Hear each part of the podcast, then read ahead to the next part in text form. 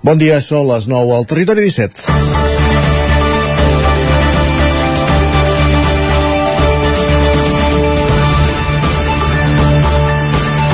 Aquests dies tots els ajuntaments aproven les ordenances fiscals. Els dels impostos i les taxes és un debat delicat. Trobar el punt d'equilibri és complicat i, les porta, i a les portes d'un any electoral més. És terreny abonat per la pugna entre govern i oposició, però abans de, de censurar-ne de censurar-ne increments o aplaudir-ne congelacions, un debat serè exigeix obrir el focus.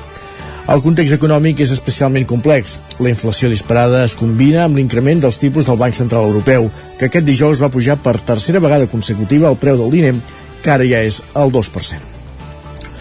Amb aquesta maniobra que pretén refredar el consum es vol frenar la inflació, però alhora s'empeny l'economia cap a l'amenaça d'una recessió. I això en un moment en què l'increment del cost de la vida fa estralls, el preu dels aliments creix, els subministraments s'han encarit i les hipoteques amb l'escalada de l'Euribor, l'índex en què s'encalcula la quota, també. Les conseqüències és que cada vegada més gent li costa arribar a final de mes. Aquest context cal tenir-lo en compte a l'hora d'aprovar increments d'impostos. Ara bé, el debat no s'hauria de circumscriure a la discussió binària de si s'apugen o no els tributs. En aquesta equació intervenen altres variables. A diferència del que va passar després de la crisi del 2008, quan es va imposar l'ortodòxia de l'austeritat, l'abordatge per combatre els efectes de la pandèmia ha estat diferent l'administració ha obert l'aixeta per teixir una xarxa de seguretat que eviti l'exclusió social. Els serveis públics municipals són nusos d'aquesta xarxa i de serveis els ajuntaments en presenten més dels que estarien obligats per llei. En presten, volem dir, més dels que estarien obligats per llei. Uns serveis que s'han de finançar i en gran part es financen amb impostos, però l'exercici de quadrar el pressupost només incrementant els impostos és massa fàcil. Els serveis han de ser adequats, estar correctament dimensionats i s'han de prestar amb, amb eficiència. Aquest exercici també s'ha de fer. Això no vol dir que no s'hagin de pagar impostos. S'han de pagar els necessaris, amb una mirada llarga. El més sensat seria que els increments fossin graduals i, sobretot, sostenibles. El perill actual és que hi hagi ajuntaments que, presoners d'una lògica electoral, prefereixin congelar tributs a les portes d'unes eleccions per incrementar-los el doble quan hagin passat. Els impostos haurien de ser per fer política més que per fer-ne política. És dilluns, 31 d'octubre de 2022. Aquesta nit celebrarem la castanyada i en indrets com Viladrau es recordarà la persecució de les bruixes que en aquest poble del Montseny va començar amb la Junta de Bruixes de tal dia com avui de 1617. I ara el que comença és el Territori 17 a la sintonia de Ràdio Cardedeu, la veu de Sant Joan, Ona Codinenca, Ràdio Vic, el 9 FM, el 9 TV, Twitch i YouTube. Territori 17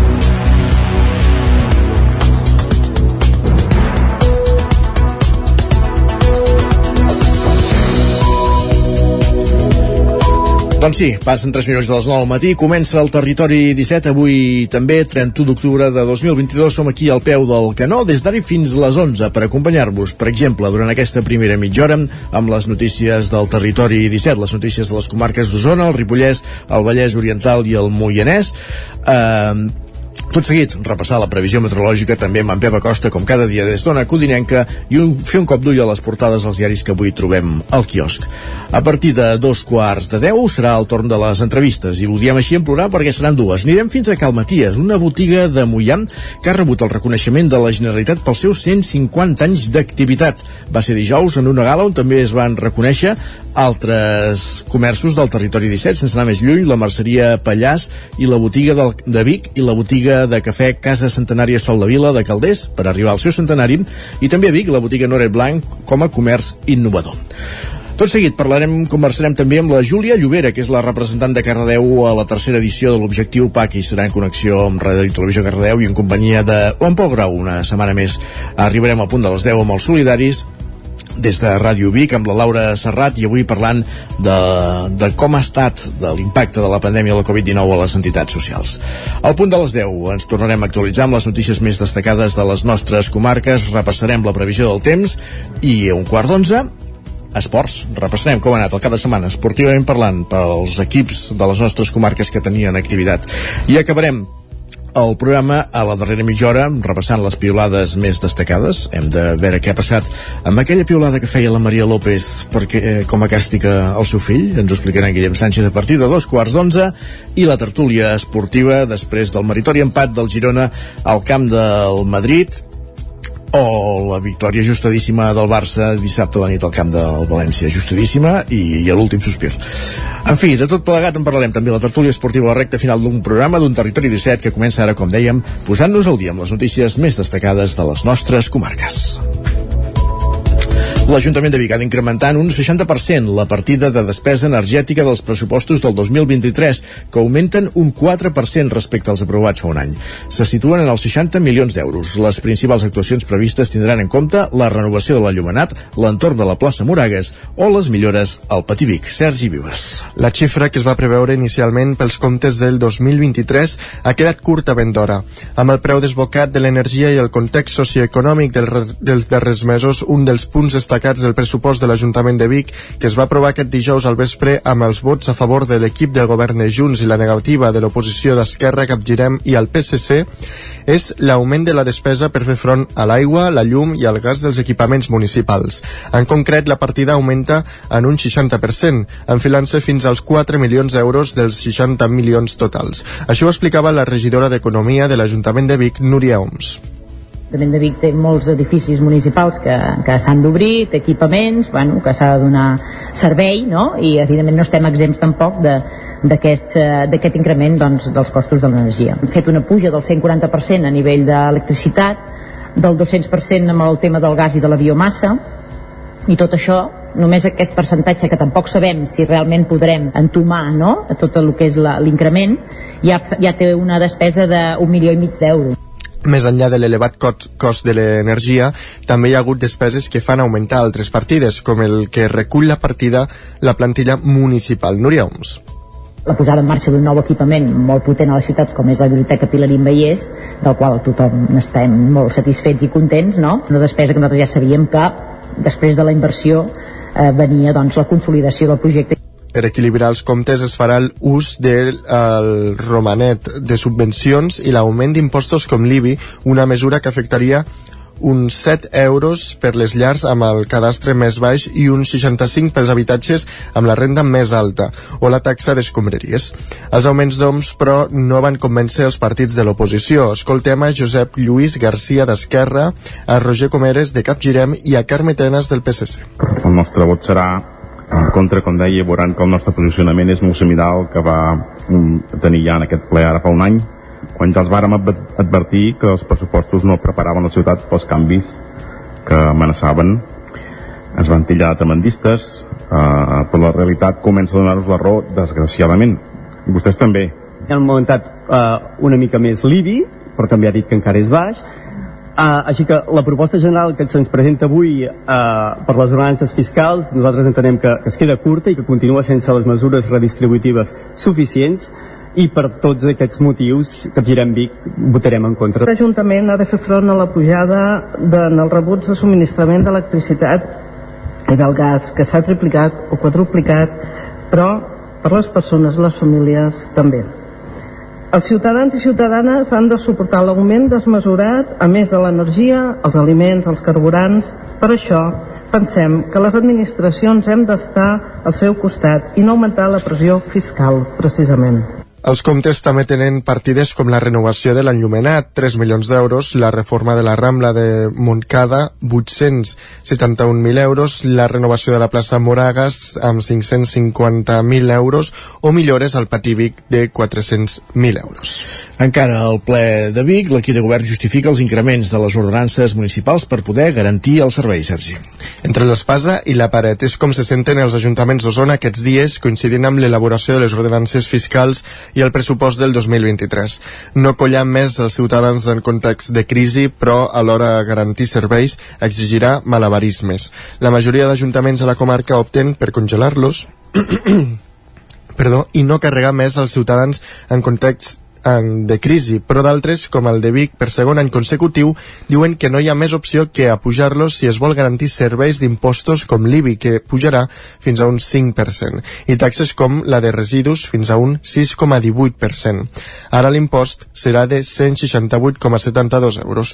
Ho explicava Núria Oms, regidora de l'Economia d'Ajuntament de Vic. Nosaltres fem aquest anàlisi, veiem que Vic, per circumstàncies històriques que ara no venen al cas, tenim un tipus eh, molt, molt baix i per tant veiem aquí un marge de, de puja. Sabem que aquestes puges doncs, eh, bueno, seran, mai són benvingudes, però nosaltres les veiem necessàries eh, i sobretot per garantir eh, tots aquests serveis de qualitat eh, que volem, que tots volem per la ciutat i, eh, i, i totes les persones o col·lectius o empreses que es poden acollir les bonificacions i subvencions ho poden fer perquè aquestes sí que estan eh, igual com doncs, vull dir, es mantenen exactament igual com estaven. Des de l'oposició, Esquerra, Capgirem i el PSC no van donar suport a la proposta.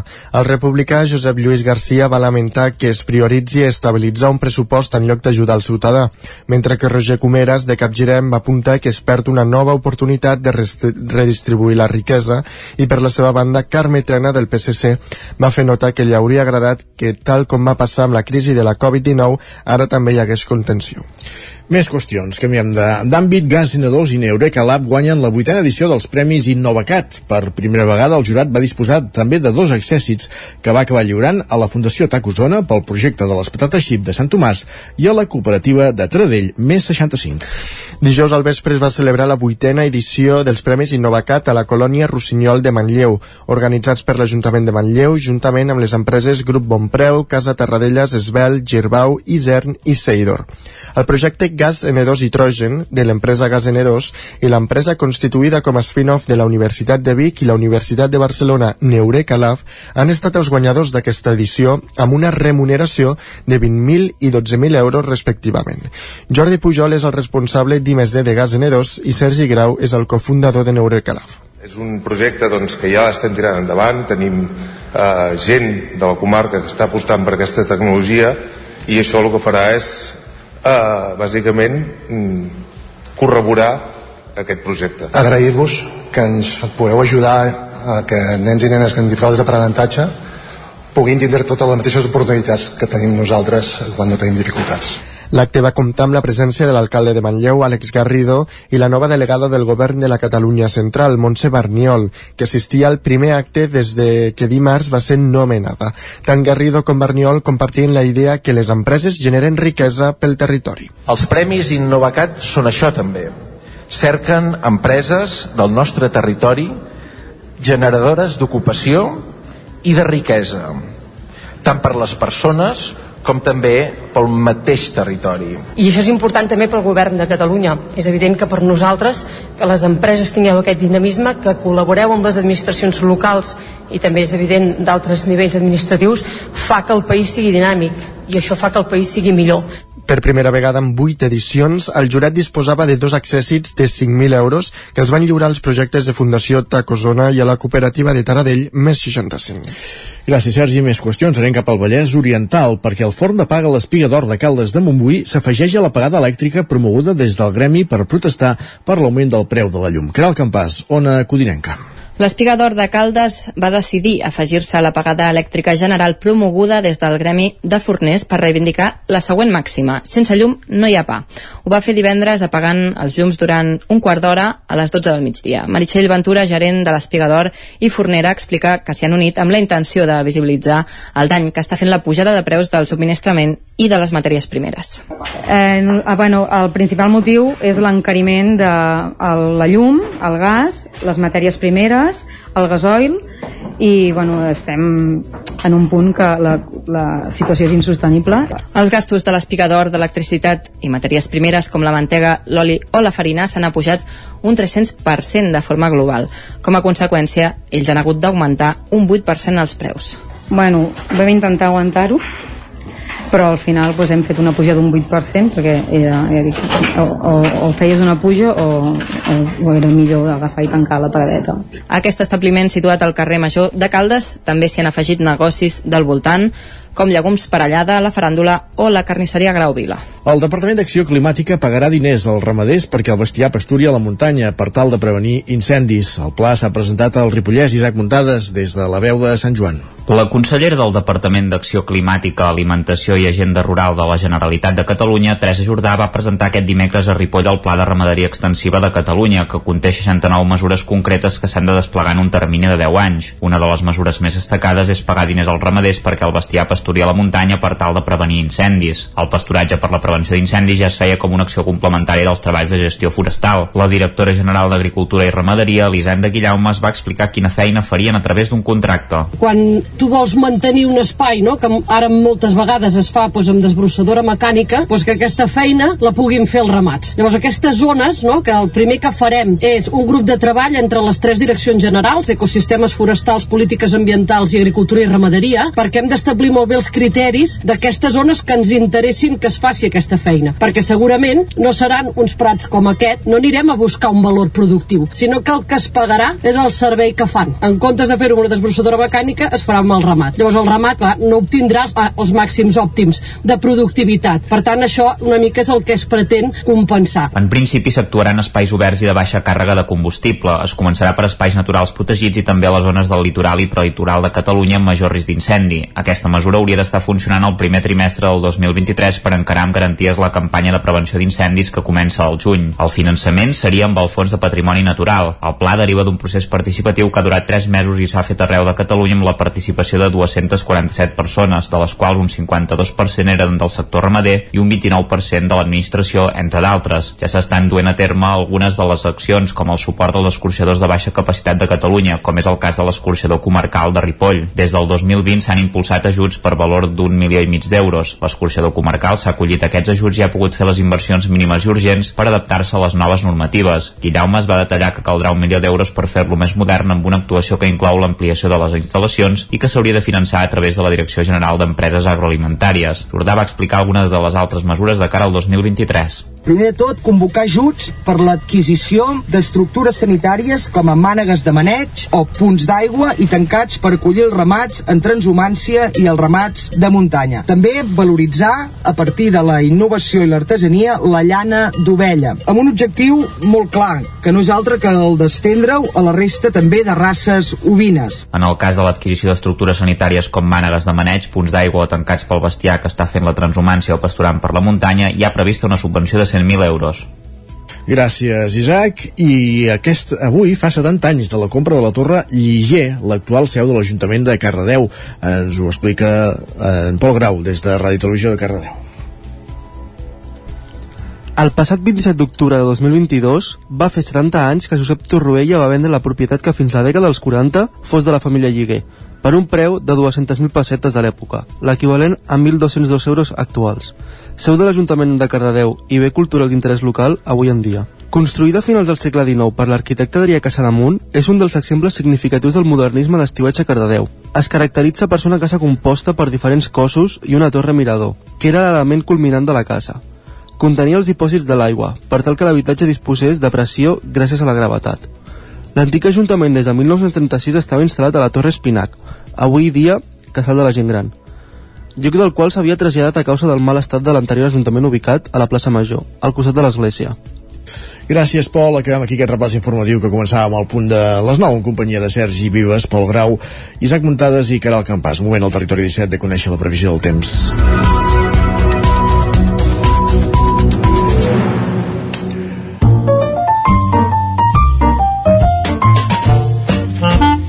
Casa Terradellos us ofereix el temps. I el temps al territori 17 ja sabeu que és cosa d'en Pep Acosta. Anem fins a una codinenca, Pep. Bon dia, com passarem la castanyada? Molt bon dia, per fi és dilluns. Uh, últim dia ja uh -huh. d'aquest uh, uh, mes d'octubre ha canviat la hem canviat l'hora ja horari de horari d'hivern uh, uh, últim cap de setmana el passat d'octubre un cap de setmana que han baixat per fer una mica les temperatures però encara estan eh, diguem força graus per sobre el normal uns 3-4 graus. No és aquella bogeria eh, de 9-10 graus per sobre la mitjana. Ara estem a 3-4 graus per sobre la mitjana. Fins i tot ha glaçat una mica a alguna vall del Pirineu i a molt alta muntanya també ha glaçat una mica. Per fi, per fi ha glaçat una mica. Però bueno, continuem aquest temps molt, molt, molt tranquil, molt estable, eh, cap precipitació, eh, un, un panorama molt, molt, eh, molt preocupant, molt preocupant, com ja fa molts dies que vaig dient. Avui, eh, dia que molta gent fa pont, eh, serà un dia en què s'acosta un front. S'acosta un front atlàntic, eh, per fi, per fi també això, un front atlàntic ens, ens pot creuar, ens creua, de fet, avui eh, fa molt temps que no es creu aquest front atlàntic i eh, això eh, fa per fi tocar una mica les, les peces meteorològiques. Um, a les dues comarques uh, no plourà, uh, si plou serà molt poca cosa, on plou més és cap a Ponent i el Pirineu Occidental, però també plourà poc, eh? molt, molt poca cosa, sens dubte, uh, no, no solucionarà ni de bon tros la sequera. Les temperatures màximes molt semblants al cap de setmana, la majoria entre els 20 i els 25 graus i les mínimes eh, hem baixat una mica, fa una mica més de fresca, però encara són una mica més suaus del que haurien de ser. De cara a la tarda-nit es taparà, eh, la nit de Castanyada es pot tapar bastant, i no es descarta, no es descarta en les comarques quatre gotes. Si és que a caure seran eh, molt poca cosa, si és que arriben a caure, dic, eh, que potser ni cauen, molt poca cosa, eh, i eh, del tot eh, insuficients per pal·liar ni que sigui una mica mica la sequera. Les temperatures aquesta nit eh, cap al peritoral, cap als 15 graus, cap a l'interior cap als 10 i cap al Pirineu entre els 6 i els 7 de mínima, és a dir, aquesta nit farà una mica de fresca però ni de bon tos fred, eh? no serà una nit de, de castanyada, de portar mocadors eh, i capes grans, que diuen eh, el refrany, eh, tot el contrari, serà una nit eh, amb una jaqueteta i ja en tindrem prou. I això és tot. Eh, perdó, perdó, em deixo, em deixo demà. Demà, demà serà un dia eh, més estable, eh, baixarà una mica més les temperatures i aquest front ja s'haurà allunyat. Ja no tindrem aquest front eh, sobre nostra, s'haurà allunyat però això sí, les temperatures baixaran una mica més i ja cantarà una mica de vent de nord. Uh, fa molts dies que no diem que de vent de nord, doncs demà entrarà una mica vent de nord i això farà que les temperatures baixin un parell de graus respecte avui. Adeu! Aquest clot al mig del pont despista, Pep, eh, que sí? Va, doncs ja sabeu, avui nit de castanyada amb temperatures suaus, més baixes que els darrers dies, però més altes de les que tocaria per l'època. Anem cap al quiosc. Casa Tarradellas us ha ofert aquest espai. El quiosc, a veure què diuen les portades dels, les portades dels diaris del dia. Sergi, per on comencem? Doncs avui és dilluns, per tant anem a portades del 9-9. Comencem per Osona i el Ripollès. Molt bé. Uh, encapçalen la portada amb la pressió des del Lluçanès perquè el nou govern desencalli la creació de la comarca. Carai i a més a més aquí tenim eh, que a Bruguera eh, és eh, eh, homenatge la seva pastora Mhm. aquí veiem sí, aquí veiem la, una fotografia de Marina Vilalta a la inauguració de la plaça de Bruguera que porta el seu nom Perfecte. si Això anem va a... ser dissabte al matí i Exactament. queda recollit a la portada del 9-9. La del Vallès Oriental. Doncs eh, veïns del Montseny tornen a denunciar el pas de vehicles esportius a gran velocitat. Uh -huh. I aquí després també veiem que la nova mo mobilitat doncs, exposa el circuit per Aragonès va inaugurar l'E-Mobility Experience i veiem aquí doncs, una fotografia del president juntament amb els consellers Torrent i Jordà i l'alcalde um, Pere Rodríguez doncs, davant d'un dels vehicles exposats. Molt bé. Anem cap a les portades que s'editen eh, dels diaris que s'editen a Barcelona. Doncs comencem pel punt avui, que encapçala la portada amb el titular Energia al mínim, perquè la sortida europea a la crisi es basa a reduir la demanda i els impostos als productors.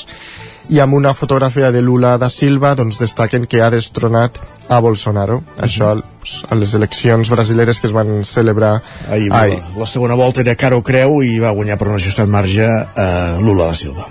Exactament. El periòdico destaca que el govern es rearma per combatre la desinformació russa i també destaquen doncs, la victòria de Lula al Brasil dient que la seva victòria ha frenat l'ultradreta. Uh -huh. La Vanguardia avui és encapçalada per una entrevista que li han fet a Robert Lewandowski. Carai. Doncs, Què diu el davanter del Barça? Doncs ha dit que el Barça necessita temps i que cal ser més pacients. Té poca de paciència el, el seguidor blaugrana. Què més? Um, I per altra banda, evidentment, perdó, també han destacat que Lula doncs, tornarà a la presidència del Brasil guanyant per la mínima. La portada de l'Ara l'ocupa una fotografia de Lula també, amb la qual expliquen que s'ha imposat per la mínima, inclús també han posat els percentatges, 50,9% Lula i 49,1% Bolsonaro. Sí, no arriba ni al 2%, eh? De no, no, és molt ajustat. I també destaquen en petit l'empat del Girona i el Madrid, i eh, que Puigdemont rebutja la reforma de la sedició. No havia sortit de cap portada encara l'empat del Girona i el Madrid? O són... Ostres, eh, potser en petit amb alguna, amb alguna altra portada sí que ha sortit. Doncs el Girona que va empatar el camp de, del Madrid ahir 1 a 1, surt del descens el Madrid eh, queda a un punt per sobre del Barça en fi, veurem com evoluciona tot plegat eh, anem cap a les portades que s'editen a Madrid doncs el país avui destaca que Brasil es parteix en dos amb el pols entre Lula i Bolsonaro. I per altra banda més petit destaquen que Feijó s'allunya del seu perfil més moderat després del fracàs del poder judicial. Uh -huh. l'ABC eh, destaca que el gobierno va intentar evitar que el pacte amb el PP perjudiqués a Marlaska, Robles i Llop. I amb una gran fotografia de Lula doncs expliquen que torna al poder de Brasil 12 anys després al Mundo eh, la portada està encapçalada pel resultat d'una enquesta i és que diuen que la meitat dels votants del PSOE um, uh, baixa el delicte de, de sedició, o sigui, estan a favor uh, perdó, no estan a favor de la, de, de la la sedició. de la rebaixa del delicte de sedició. Ah, exactament. Molt bé. I també destaquen uh, un article parlant de l'última tarda de l'escent que porta uh, del torero Morante de la Puebla i aquí el veiem en una fotografia amb el seu traje. Ràpidament eh, el 99.cat fer un cop d'ull ràpid. Doncs el 99.cat eh, a Osona el, i, el, i el Ripollès eh, tenim el titular amb la banya dels impostos. Això que estàvem parlant de les ordenances dels impostos que hi ha ajuntaments que opten per congelar-los i d'altres com Vic doncs diuen que no hi ha més opció que pujar, que pujar. nosaltres el que fem ara tot seguit és una pausa per la publicitat i tornem res d'aquí 3 minutets fins ara mateix El nou FM, la ràdio de casa, al 92.8. Ja tens la teva disfressa de Halloween? A Manli tenim les més terrorífiques. Vine a buscar caretes i tots els complements que et calguin per passar una nit de por. Ens trobareu al carrer de Ramon Soler número 1 de Vic i també a manli.cat. A Manli fem de la festa una bogeria. Amb Pradell estalvio energia i cuido la meva butxaca i el medi ambient. Posa't en mans a Pradell, són experts en calderes de gas i condensació, estufes de pèl·let, energia solar, terres radiants i geotèrmia. Pradell instal·la calderes de biomassa per a particulars i per a empreses. Si vols estalviar un 50% en consum, contacta amb Pradell i passa't a les energies renovables. Pradell som a l'Avinguda Països Catalans 27 de Vic.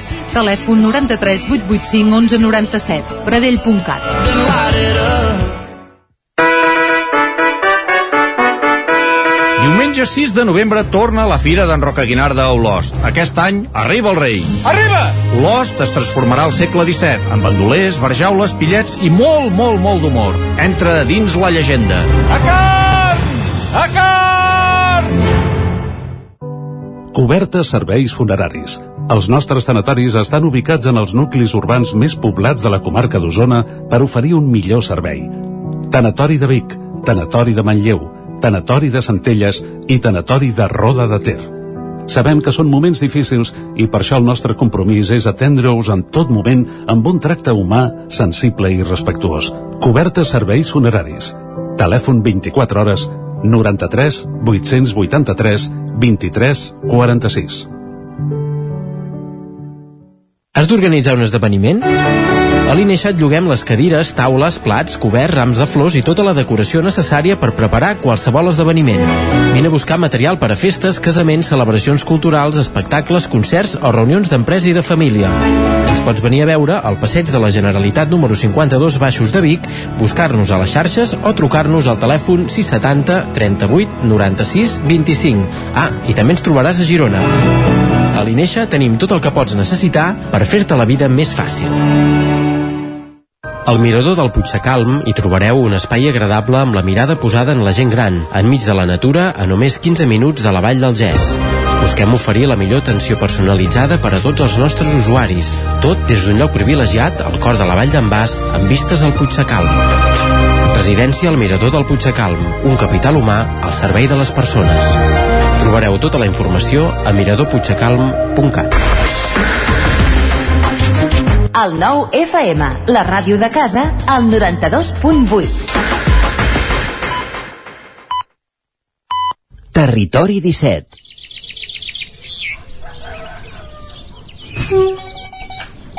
A Tren d'Alba. Cada dia els usuaris i usuàries de la línia R3 de Rodalies que veuen sortir el sol des d'un vagó ens expliquen les gràcies i les penes del primer comboi que uneix Ripoll i Barcelona o les feixugues jornades amb el tren després de treballar.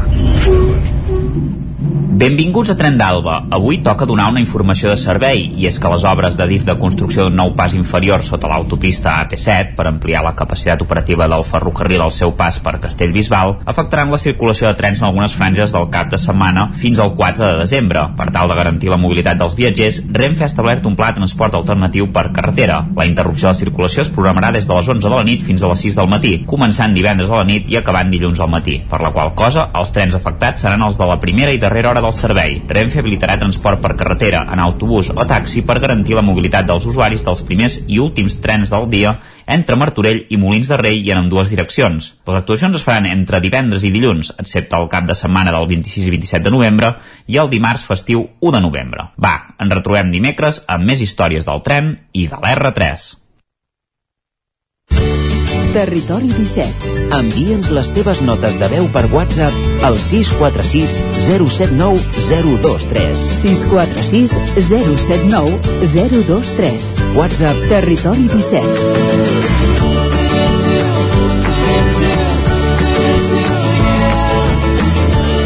Territori 17. Som a Facebook, Twitter i Instagram amb l'usuari Territori 17.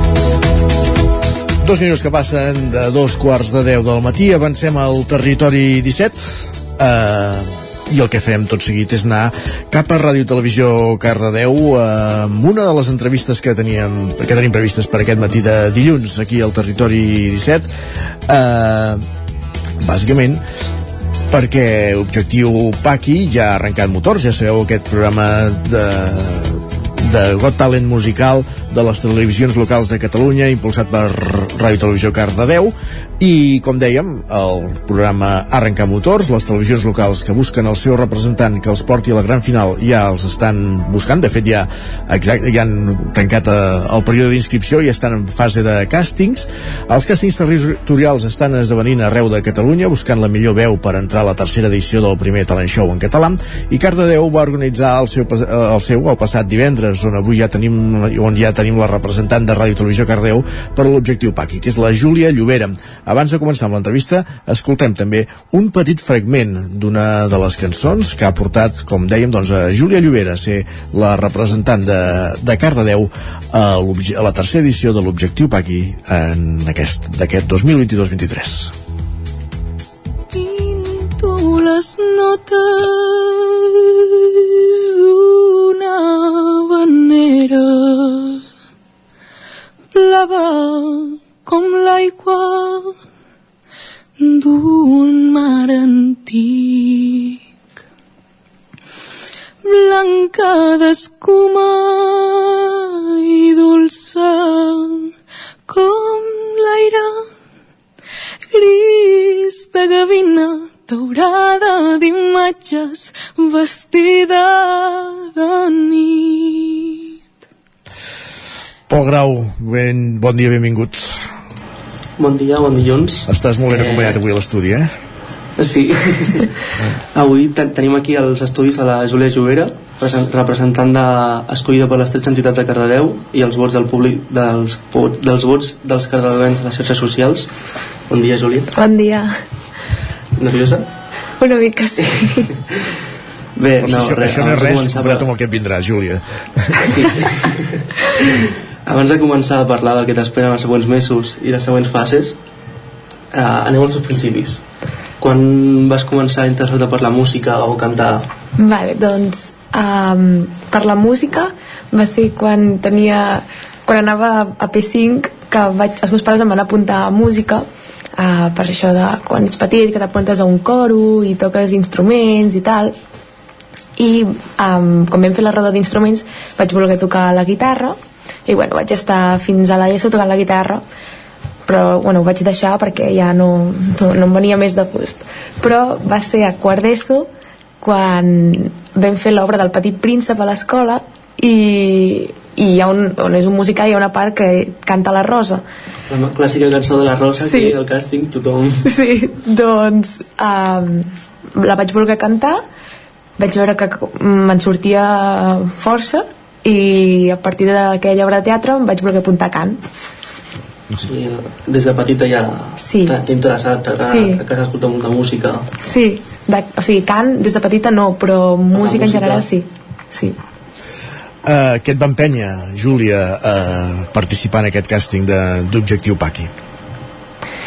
Uh, mm, bé, bueno, perquè estic, o sigui, crec que estic en un moment de la meva vida que necessito com moltes, o sigui, vull com canvis i aprendre o sigui, com evolucionar com a persona o mental, no sé com ben bé explicar-ho, i vaig pensar que bueno, exper viure experiències noves sempre és evolucionar i saber I quina experiència, no? Que tu pagui. també, clar, llavors vaig voler apuntar-me per, bueno, perquè em fa molta il·lusió és una, un, un, és una oportunitat eh, única i, i vaig pensar, bueno, va, ho provem Eh, no sé si t'ho van dir algú, diguéssim, apunta't al tu pagui, que cantes molt bé, o vas seguir per la xarxa, o... bueno, um, la primera el primer any que es va fer una amiga meva que anava amb mi al batxillerat sé, sé que s'havia apuntat i en part em va dir com eh, apunta't, no sé què i bueno, no ho vaig fer fins al tercer any que vaig pensar, bueno um, És el moment. Sí, i doncs això. Perquè... Eh, Perdó, digues, digues, digues, Pol. digues. No, res, això que ara que has sigut la seleccionada de Telecardedeu, que com afronta ser la representant de Cardedeu, que és la que va impulsar Objectiu Paqui? Doncs, um, molta responsabilitat, però igualment, o sigui, és responsabilitat, però no és això de que oh, m'agòbia moltíssim, em fa molta il·lusió, em sento super, super afortunada i super agraïda per tothom, la veritat, o sigui, estic molt, molt, molt contenta. Aviam què va passant en un futur. Abans ens explicaves com et vas introduir al món de la música, que ja va ser de ben petita, que sempre has tocat la guitarra, que has fet cant. Què, què feies, Sí. o què estàs fent ara, eh, musicalment parlant, diguéssim, on, per, on, per on et mous, diguéssim? O és una Um, cosa que sempre has de- tingut com a, com a afició i l'has fet per tu, per entendre'ns. Bueno, uh, al principi sí que, o sigui, quan era petita no, no, no ho ensenyava i tal, era com a l'escola de música, doncs els concerts que feien fer, doncs els feia i la veritat és que no m'agradava gaire fer-los perquè em posava molt nerviosa. Però això, quan vaig començar a cantar, um, sí que al principi no feia actuacions ni res així perquè, perquè a mi em sortís, però llavors vaig començar a buscar bars i, i llocs on em volguessin deixar de tocar. I normalment són tots cap aquí a Cardedeu perquè um, crec que hi ha molta oferta cultural. I doncs he tocat molt, molt per aquí a Cardedeu però això en bars i, i alguna festa i això. I d'estudiar música doncs ara mateix només faig classes de cant però o sigui, els meus estudis no són gens enfocats a la música. Abans sí vaig fer el batxillerat escènic i fèiem també fèiem classes de música i tal però ara no I a part de cantar, ja vas començar amb la guitarra, toques algun instrument avui en dia o estàs aprenent a tocar algun? Um, sí, he fet, uh, ara mateix no estic fent com classes exactes d'aquests um, instruments, però també uh, sé tocar una mica, o sigui, nivell bàsic, el piano i també he fet classes de bateria. Molt bé. I ja està. Compons o als concerts fas versions? Com, bueno, qui- quin és una mica el teu Sí, ah, repertori? bueno, sí. Faig versions, i algun cop he escrit alguna cançó. De fet um, és com que les escric però llavors em fa vergonya cantar-les i i a part que cada cop que va passant el temps és com que ja no m'agraden les que he escrit en un passat. I no, una cançó pròpia, de fet només la vaig cantar un cop aquí a Cardedeu, als Pinatons i, i ja està no he cantat mai més cap meva. O sigui que sí, sempre faig versions. Molt bé. I bueno, ha sigut la, la escollida per representar Cardedeu però encara no s'ha entrat pel cast, al Sí. programa com a tal sinó uh, falta un càsting Eurovisiu el 10 i 17 de desembre on les, les diferents teles també faran, donaran els seus punts, les seves votacions i al gener es farà el següent càsting per escollir els 10 representants. Com afrontes podent saber que pots tens la possibilitat d'entrar a Objectiu Paqui eh, bueno, ho afronto amb moltes ganes i amb, o sigui, pensant que pot, ja pot haver-hi aquesta possibilitat um, és, serà, o sigui, crec que és molt difícil perquè tothom ho, ho de, o no, no, no, no sé qui, qui està passant als altres càstings però crec que tothom ho deu fer superbé perquè si ja a tothom que hi havia en el càsting de Cardedeu ho feia superbé imagina't a tot, Tot Catalunya. Catalunya. però um, amb moltes ganes i moltes ganes de que passi ja perquè és, és com que penso que encara queda moltíssim queda molt però si ho esperes Sí. o sigui, serà d'aquí dos dies ho veurem ja, doncs això, tinc ganes i nervis perquè pot passar perquè com que, bueno, sí això, tinc nervis I com va anar una mica divendres? Explica'ns la teva experiència, no? Eh, amb, amb, aquest, amb aquest càsting, diguéssim, o amb aquesta sessió amb la gent de Cardedeu. Ara ens deies que hi havia molt nivell. Com ho vas viure tot plegat? Sí. doncs ho vaig viure com o sigui, un dia que crec que no oblidaré mai perquè és, era el primer càsting que feia i em feia molta il·lusió però estava, o sigui, estava molt nerviosa. Quan vaig arribar allà anava sola perquè la persona que m'havia d'acompanyar es va posar malalta. Llavors anava sola, no coneixia ningú. Vaig pensar, bueno eh, no, no, no sabré com què dir-li a la gent, no, no sé, però vaig arribar i tot també era molt, molt, molt simpàtic. Vaig parlar amb tothom. Eh, no sé, ho vaig viure o sigui, quan vam haver d'entrar com a cantar el moment. sí, doncs vaig veure com tot el decorat, tot super professional i jo, ai, ai, ai, les càmeres. sí, sí, dic, verge Maria. Però, o sigui o sigui, la gent era tan, tan propera i tan no sé, amable, que és que era, et senties com molt bé, perquè estava nerviosa però però et donaven, de, et donaven conversa i era com que no estaves tot el rato obsessionada amb el que anaves a fer, sinó et distreies i ho vaig passar molt, molt, molt, molt bé.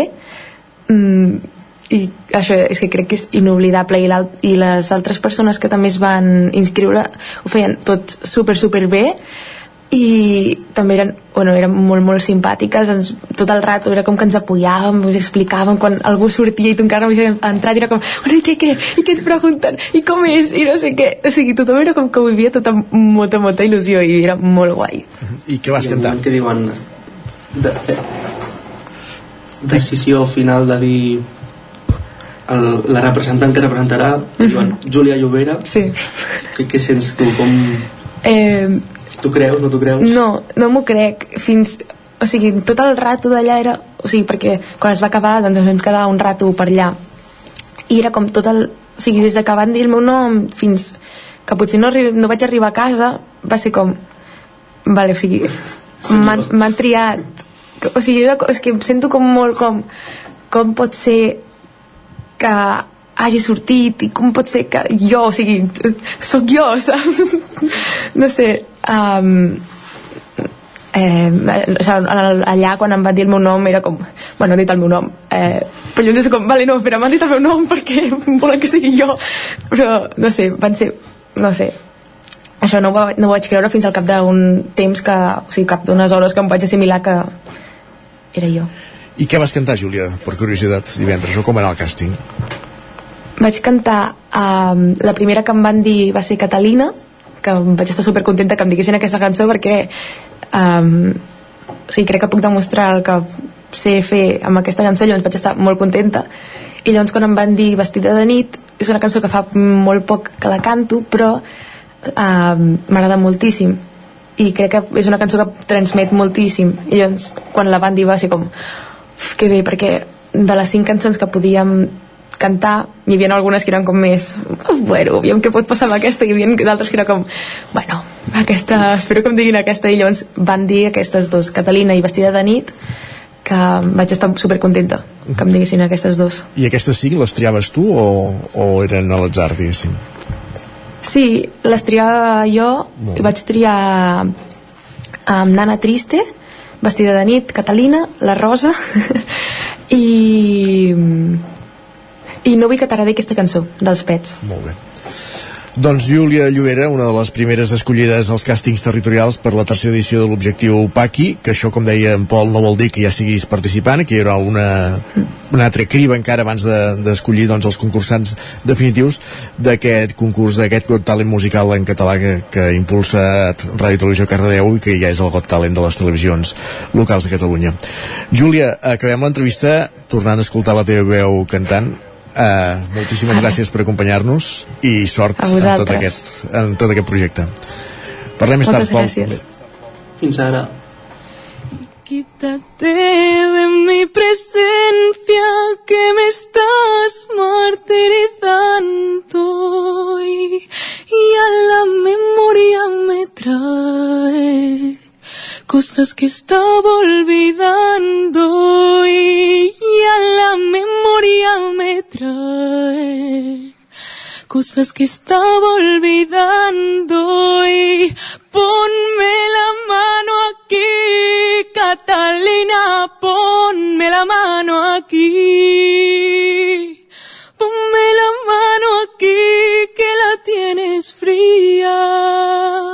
Ponme la mano aquí, Catalina mía. Mira que me voy a morir. Mira que me voy a morir.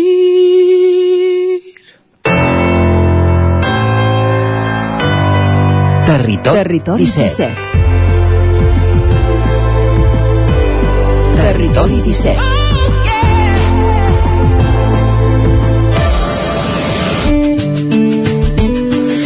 I al Territori 17, tot seguit, el que fem és anar cap als solidaris, l'espai que cada setmana ens acosten des de Ràdio Vic, ens acosta la Laura Serrat per parlar de les entitats del tercer sector, de les entitats socials de casa nostra. Avui ens fixem en com han rebu, van rebre en el seu moment l'impacte de la Covid-19 algunes d'aquestes entitats. Laura, benvinguda una setmana més, bon dia. La manera de fer i de viure ha canviat per a tothom els darrers anys. La pandèmia ha suposat un trasbals a tots nivells i moltes entitats s'han vist empeses a fer certs canvis en la seva manera de treballar i de plantejar-se l'atenció que ofereixen.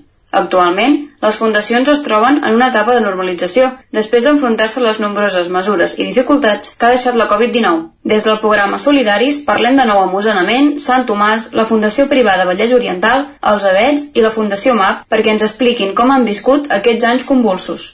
Ricard Gorgals, director de l'àrea d'empresa social de Sant Tomàs, i Anna Gutiérrez, directora del Centre d'Inserció i Formació Laboral EINA, ens expliquen que els mesos de pandèmia no han estat senzills. Ha estat una sortida difícil i progressiva, però aquest any 2022 ja han recuperat bastanta feina en els seus serveis. A nivell administratiu, l'entitat no ho ha tingut fàcil. Bueno, aquí també han passat diverses fases. Eh? La, la, la fase de la pandèmia va ser molt dur, perquè bueno, els que, la gent que va poder treballar des de casa des de casa, alguns no van poder treballar, havien d'esperar de, de, que la situació es normalitzés i vam tinguer, diguem, un retent fent feines, sobretot les feines de neteja i desinfecció, les recordo especialment, que la gent es va esforçar moltíssim en poder continuar prestant aquesta feina. Eh? Quan és un moment que tot, tot representava que estava contaminat, doncs nosaltres vam seguir prestant aquest servei i, i, i tenint els clients. És la, és la feina que recordo i llavors també hi havia feines de triatge, la triatge del que és la bossa blava i el, del que és el contenidor blau, que també es van parar, però es van parar poques setmanes i de seguida es van continuar fent, és que era un lloc també amb una certa contaminació ambiental. Eh, vull dir que també estem molt agraïts a totes les persones que en aquells moments van, van continuar la seva feina amb la màxima professionalitat.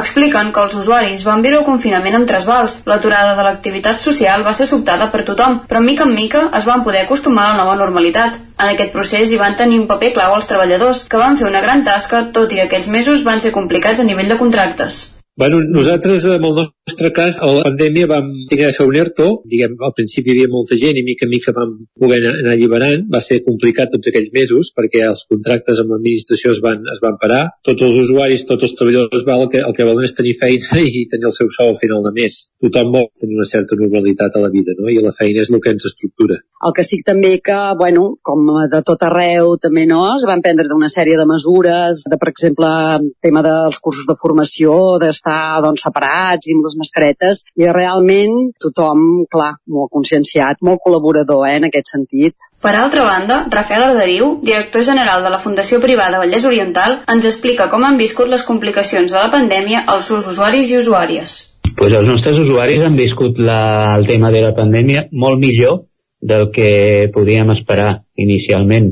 Al principi, com tothom, no sabíem ben bé què era això, vam patir molt, tant pel tema del material i no sabíem com reaccionar, etc etc. però un cop la situació ja es va fer eh, més crònica i vam veure que s'allargava, doncs tothom es va adaptar i els nostres, les persones que tenem aquí a casa nostra, la veritat és que han sigut un exemple per la seva capacitat d'adaptació a tota la situació, inclús el temps que van haver d'estar tancats i confinats. Ell també assegura que a nivell organitzatiu ha estat complicat, i destaca també que els voluntaris han jugat un paper essencial en tot el procés d'adaptació. Bueno, hem hagut de fer adaptacions a nivell sobretot de, de torns de treball, a nivell de, de voluntaris, a nivell de adaptació de, de llocs de treball, etc etc. Però, bueno, ja et dic, a la que ens vam acostumar una mica a la situació, doncs la veritat és que no hem tingut gaire problema. També podem dir que en el nostre cas hem tingut força sort perquè la majoria de casos que hem tingut han estat molt lleus i hem tingut molt poquets, molt poquets casos importants i per tant jo crec que el balanç final és de força satisfacció. Per altra banda, l'actual director dels ABETS, Ramon Ribes, ens explica que, en el seu cas, la seva principal barrera han estat les restriccions vigents d'altres entitats col·laboradores. Bueno, nosaltres eh, som una llar Tenim dues ja residències petites de 8 i 9 places en un entorn molt rural, tot i que el coronavirus ha arribat a tot arreu, no és el mateix el control diguem, de les relacions que tenim nosaltres que en una gran ciutat.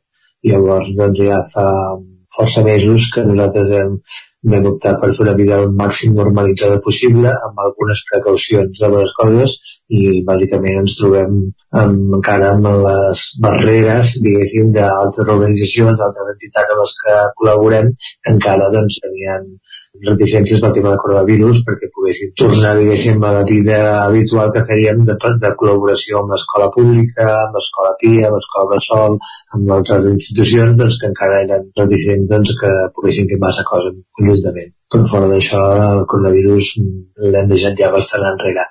El director ens fa un breu resum de la seva experiència amb l'aplicació de les restriccions des de l'inici de la pandèmia, en un moment en què la situació era nova per tothom i els primers mesos van ser molt caòtics, que el confinament eh, doncs va ser molt difícil i molt caòtics a nivell també de, de com prendre mesures perquè en aquell moment el benestar social no sabien com gestionar-ho. Fins que no va passar a mans de sanitat doncs eh, no ens van donar consignes clares. Nosaltres, per sort, vam tindre la, la capacitat de saber eh, anar a buscar assessorament amb Metges Sense Fronteres, que van fer unes formacions online molt bones que ens van donar molt criteri de com havien de fer aquest confinament encara lluís i com van vindre els criteris de la Generalitat, la veritat és que nosaltres ja estàvem aplicant moltes coses quan ens, ells ens van dir, van dir, tot això ho estem aplicant i esteu demanant coses que són impossibles per nosaltres. I vam dir, fins ara hem sigut molt responsables perquè hem aconseguit que no entrés aquí el coronavirus, però deixarem de ser responsables sense aplicar els nostres criteris perquè eren criteris pensats per residències enormes, 300-400 persones a mig de Barcelona. I no sé res que veure això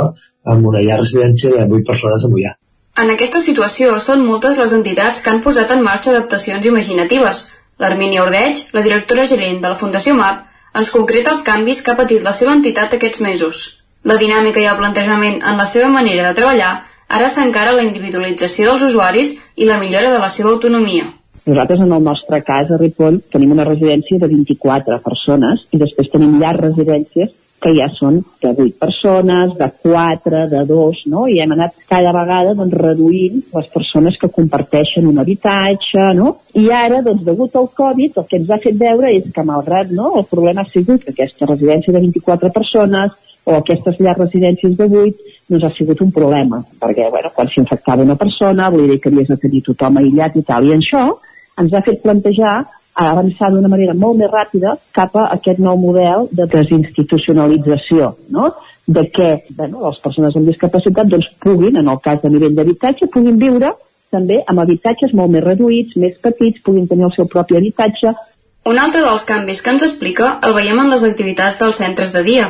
En comptes de tenir totes les persones conjuntes en un centre de teràpia ocupacional, l'objectiu d'ara és buscar espais comunitaris més a prop d'allà on viuen els usuaris.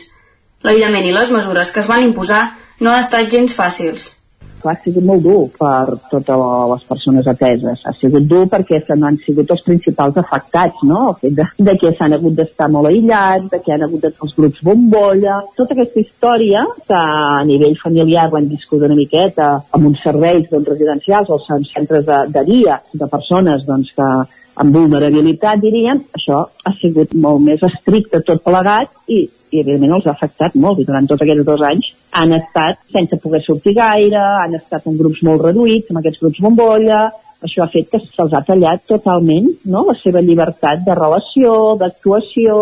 La Mercè Generó, gerent d'Osonament, va voler matisar que un dels reptes més importants per la seva entitat pel que fa a l'abans a través de la pandèmia, va ser la baixa de professionals i treballadors de la salut mental, la limitació de places per als usuaris o l'adaptació dels espais. Venim, clar, de dos anys dedicats molt a, al dia a dia i adaptar-nos a les necessitats que ens portava la pandèmia. Això vol dir limitació de, de les places per atendre les persones, adaptació dels espais, clar, volia dir unes adaptacions de professionals i, i d'espai d'infraestructura molt importants que ens ha limitat molt, molt l'atenció a aquells aquests dos anys de pandèmia i aquest 22, clar, estem normalitzant, estem normalitzant d'una manera molt, actuant amb molta precaució. Pensem que a l'inici d'aquest 2002 el gran problema nostre va ser els professionals que teníem en, en Covid, cosa que no ens havia passat amb salut mental en, la, en plena pandèmia. Nosaltres tenim la residència de persones amb malaltia mental que treballem a Manlleu. Nosaltres no havíem tingut Covid amb aquestes persones i aquest any n'han saltat 17 de 30. I els professionals igualment. Vam ser molt, molt curosos, vam dedicar molts i molts diners a l'època primera, diners propis i d'ajudes de, de la comarca i pensem que podem, vam poder atendre tothom d'una manera molt digna. En canvi, aquest 22 l'hem patit molt, cosa que ara ja no hi ha gravetat de la malaltia, però sí que eh, doncs provoca moltes baixes laborals i molta dificultat per poder atendre i adaptar-nos igualment, perquè en una residència, encara que estiguem en aquests moments, quan entra el Covid i les persones no estan en estat greu perquè no surt ningú d'allà, i en el fons és com han passat com un qualsevol grip d'estiu. Això vol dir que les adaptacions a dintre dels espais que se'ns exigeixen, verds, grocs i vermells, hi han hagut de ser i dedicant-hi molts esforços. Per tant, és una adaptació continuada. La pandèmia no ha deixat indiferent a ningú i el sector dels serveis socials ha estat un dels més afectats per les limitacions dels darrers anys. Mentre algunes entitats buscaven maneres per continuar oferint els seus serveis, com ara visites a l'aire lliure o una infraestructura digital per poder atendre de manera telemàtica, altres aprofitaven el trasbals per tirar endavant algun format que ja tenien en ment. Reducció d'habitatges, servei individualitzat... Des d'aquí, els desitgem molta sort en aquesta nova etapa de normalització, i celebrem que d'altres vals n'hagin pogut néixer nous projectes. Així ho desitgem, per fer, com, tal com diu la Laura. Moltes gràcies una setmana més per, ser, per acostar-nos als solidaris i avui centrant-nos en aquesta situació, la situació postpandèmia de les entitats socials, en aquest cas de quatre en les que hi hem posat la lupa. I arribarem al punt de les 10 en música, en un programa que ja sé prou musical. Hem conegut la Júlia Llobera, la que serà la candidata de Ràdio Televisió Cardedeu al tercer Operació Objectiu Paqui. Doncs parlem, continuem amb més coses relacionades amb Talents musicals, per exemple, amb l'eufòria de TV3, perquè el que escoltem ara ja és el, el primer llançament, la primavera, d'un dels seus participants. Edu Esteve, avui al Territori 17, fins les 10.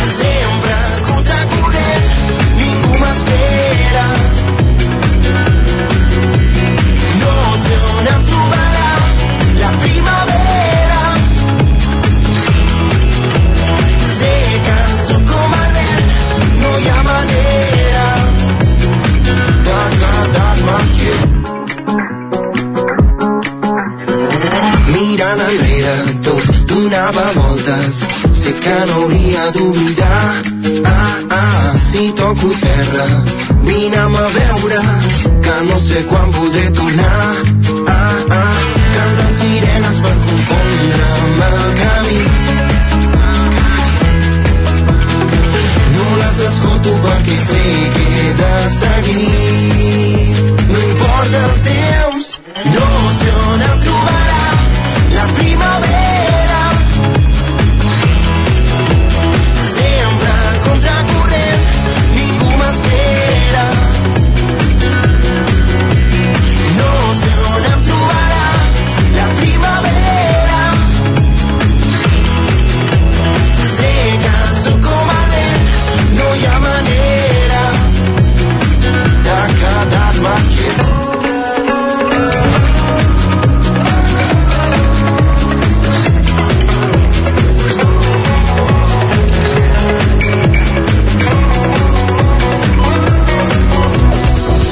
és moment ara al Territori 17, el magazín d'Osona, el Ripollès, el Vallès Oriental i el Moianès de, fer, de, de posar-nos al dia, d'actualitzar-nos amb les notícies més destacades de les nostres comarques, com fem cada, dia, a cada hora en punt, a les 9 i a les 10. Repassem les notícies de les nostres comarques en connexió amb les diferents emissores que dia a dia fan possible aquest programa, la veu de Sant Joan, Ona Cotinenca, Ràdio Cardedeu, Ràdio Vic, el 9 FM, també ens podeu veure a través del nou TV de Twitch i de YouTube.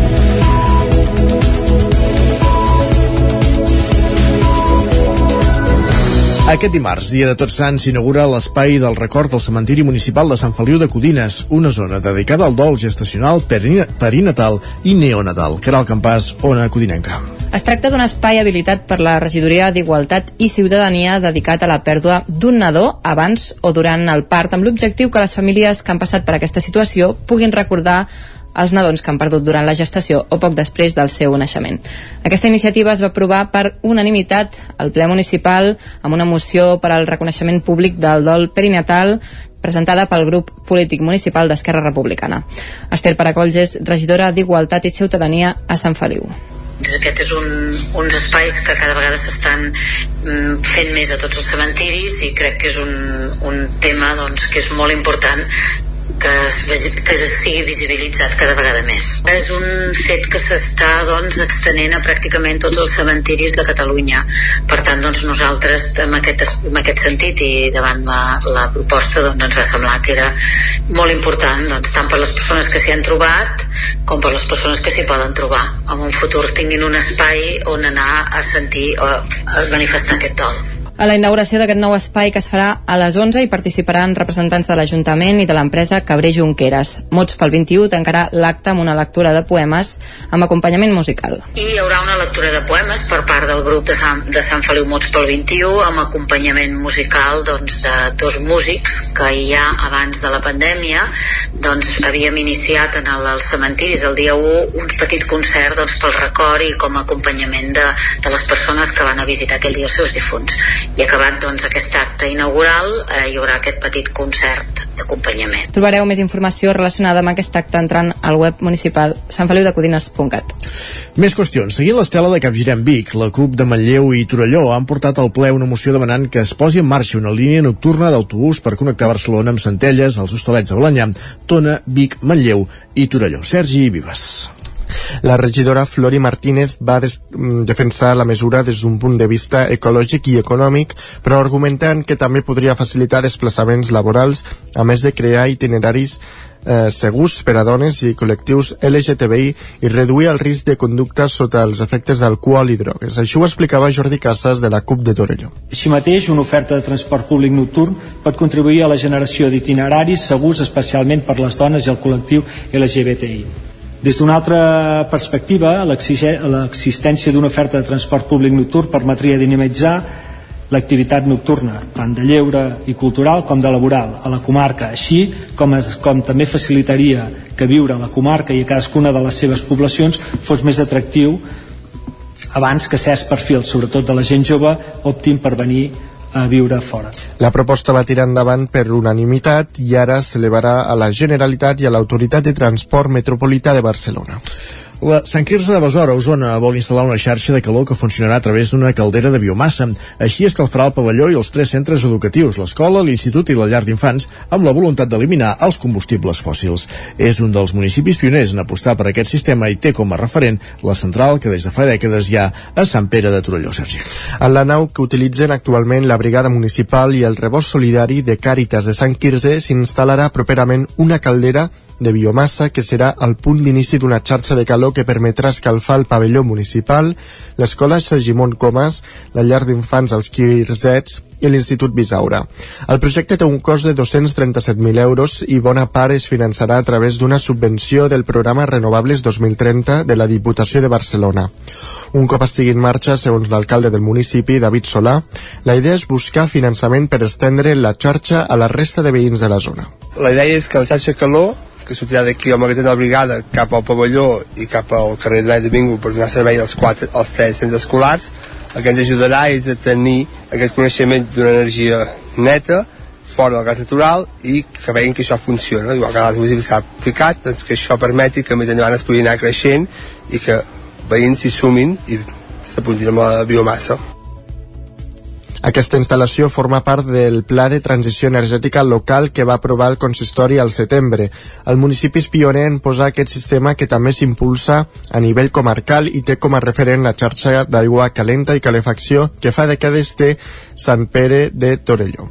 La nova caldera de biomassa, juntament amb la instal·lació de plaques solars al pavelló, a la piscina i a la cooperativa, amb una inversió de 340.000 euros, suposarà un estalvi energètic per al municipi. David Sola realment aquí al pavelló tenim una potència elevada pel tema carreró elèctric i pel tema de festes, etc. Per tant, això reduirà molt. També s'elimina la caldera de gasoil que tenim actualment aquí al pavelló perquè sigui de biomassa i la idea és que tot sigui una disminució de subministraments energètics de tal manera que aquesta part es pugui reinvertir en els equipaments escolars. L'Ajuntament de Sant Quirze preveu que a finals del 2023 aquesta xarxa de calor ja estigui en funcionament. La voluntat és substituir els combustibles fòssils per energies renovables i a Sant Pere de Torelló, on fa anys que tenen una xarxa de calefacció i aigua calenta que dona servei als equipaments municipals i a la major part dels veïns, instal·laran una segona caldera de biomassa. Aquesta permetrà reforçar la de 4,5 quilowatts que es va col·locar el 2019 i que eliminava el fum negre que s'hi havia vist fins llavors. Segons l'alcalde Jordi Fàbrega, la nova caldera evitarà mm, evitarà fer funcionar les antigues de gasoil quan hi hagi un pic de demanda i s'eliminarà del tot l'ús dels combustibles fòssils. També s'ampliarà la productivitat per donar servei a més indústries i fer arribar la xarxa a les urbanitzacions del Pujol i de la Riera. L'objectiu d'aquesta nova caldera és que pugui també produir vapor. Produir vapor per fer anar una turbina i poder fer autoconsum. És a dir, allò que necessita la planta de biomassa d'electricitat pel seu funcionament i per bombejar aigua calenta a tots els carrers on arriba la calefacció de la central eh, pugui produir-se aquesta pròpia electricitat es plantegem ampliar la, la productivitat d'aigua calenta en tant que hi ha indústries que ens demanen els seus processos productius però per altra banda també ens queden dos barris no? l'àrea d'urbanització del Pujol l'urbanització de la Riera que encara no gaudeixen aquest servei i li dèiem aquesta nova caldera que tingui suficientment potència que perquè allà on falta encara que arribi l'aigua calenta es pugui fer arribar. El 90% del cost de la nova caldera, un milió i mig d'euros, el financiaran a través d'una subvenció de la Diputació de Barcelona. Amb la nova caldera, el municipi preveu arribar a un 30% de reducció d'emissions de diòxid de carboni. La transformació de l'antic cap de Llinars del Vallès en un museu és guardonat és guardonada en la novena edició dels Premis Catalunya Construcció. Pol Grau, Ràdio Televisió, Cardedeu. La rehabilitació de l'antic cap de Llinars del Vallès per convertir-lo en museu i espai cultural ha estat l'obra guanyadora dels 19 Premis Catalunya Construcció, otorgats pel Col·legi de l'Arquitectura Tècnica de Barcelona. L'obra és de l'arquitecte Manel González, que va rebre el premi en la categoria de rehabilitació funcional, acompanyat de l'alcalde de Llinars del Vallès, Martí Pujol i Casals, en la gala celebrada el passat 27 d'octubre del Museu Marítim de Barcelona, en el marc de la nit de la construcció. Els premis tenen com a objectiu reconèixer l'esforç de professionals i empreses del procés constructiu i premiar les persones que, amb el seu treball, contribueixen a millorar la qualitat, la gestió, la sostenibilitat, la innovació i la seguretat en la construcció. El jurat va atorgar un any més el Premi Especial a la Trajectòria Professional, que en aquesta edició van guanyar les germanes Imma Matamigó i Joana Matamigó. L'Escola de Música Municipal de Gurb celebra 20 anys. Per commemorar-ho, el centre ha dissenyat un programa d'actes que es començarà a desplegar el proper mes de desembre i s'allargarà fins a finals de curs. Un programa que vol involucrar tota la comunitat educativa, però també els veïns de Gurb. Vine, amic meu, és el títol de la cançó que dimecres passat obria la presentació dels actes del 20è aniversari de l'Escola de Música Municipal de Gurb. La va interpretar el grup de cant coral del centre, una petita representació dels 150 alumnes que en formen part. Una escola que va obrir portes l'any 2002 gràcies a la inquietud d'un grup de famílies del poble decidides a provar apropar la música a totes les llars de GURB. Un propòsit que, segons Olga Moll, impulsora del centre i actual presidenta de l'Associació Musical de GURB, es manté intacte. Començant amb 40 alumnes, estem a, hem arribat a tenir-ne, som uns 150 alumnes, en què tenim totes les edats, des de nens de 3 anys fins a adults i gent gran, tenim gent de 80 i pico d'anys a la nostra escola. Estem orgullosos perquè realment veiem que estem fent un teixit cultural i musical aquí al poble que, que, que tenia raó de ser quan hi va haver-hi un grup de pares fa 20 anys que van dir mm, i si creéssim una escola de música a GURB? Les- L'escola de música que comparteix edifici de les escoles de GURB permet a, que els alumnes descobrir la música d'una manera natural i dinàmica. Un actor clau també per promoure el sentiment de pertinença al poble. Josep eh, Joan Casassas és l'alcalde de GURB. i el que ha fet aquests centres és doncs, eh, fer créixer la, la, la, el sentiment de pertenença a molta gent perquè Gurb era un poble molt disseminat, el nucli urbà és relativament jove, doncs aquests centres educatius el que han fet és fer que la gent prengui consciència de què, de què és gurbatà, no? i per tant hem d'esperar que això continuï sent així i tenint clar doncs, que l'escola de música doncs, ha de perviure eh, en el temps Per commemorar els 20 anys del centre, l'equip docent, format per una quinzena de persones, ha elaborat un programa d'actes que s'allargarà fin, a, fins a finals de curs. Un programa que vol involucrar a tota la comunitat educativa, però també els veïns i veïnes del poble. Clara Vall és la directora de l'Escola de Música. Nosaltres eh, tenim moltes ganes d'obrir-nos també al poble, a, a gent propera a la música però que encara no forma part de la comunitat de l'escola de música. Per tant, aquestes activitats, tot i que estan pensades per l'alumnat que ja hi ha també a l'escola de música, ens agradaria poder-les portar doncs, més enllà no, d'aquest alumnat i que convidar a la gent doncs, que també en pugui participar i en pugui ser partíceps. La cirereta del pastís, però, serà l'elaboració d'una cançó pròpia que se crearan els alumnes i que s'estrenarà a finals de curs. El programa començarà a caminar el proper mes de novembre coincidint amb la Festa Major de Gurb. Gràcies, Sergi. Acabem aquí aquest repàs informatiu que començàvem al punt de les 10 en companyia de Sergi Vives, Isaac Muntades, Caral Campàs i Pol Grau. Moment al territori 17 de conèixer la previsió del temps i sobretot en un dia tan especial com avui que ve la castanyada i convé saber sota quin temps torrarem les castanyes.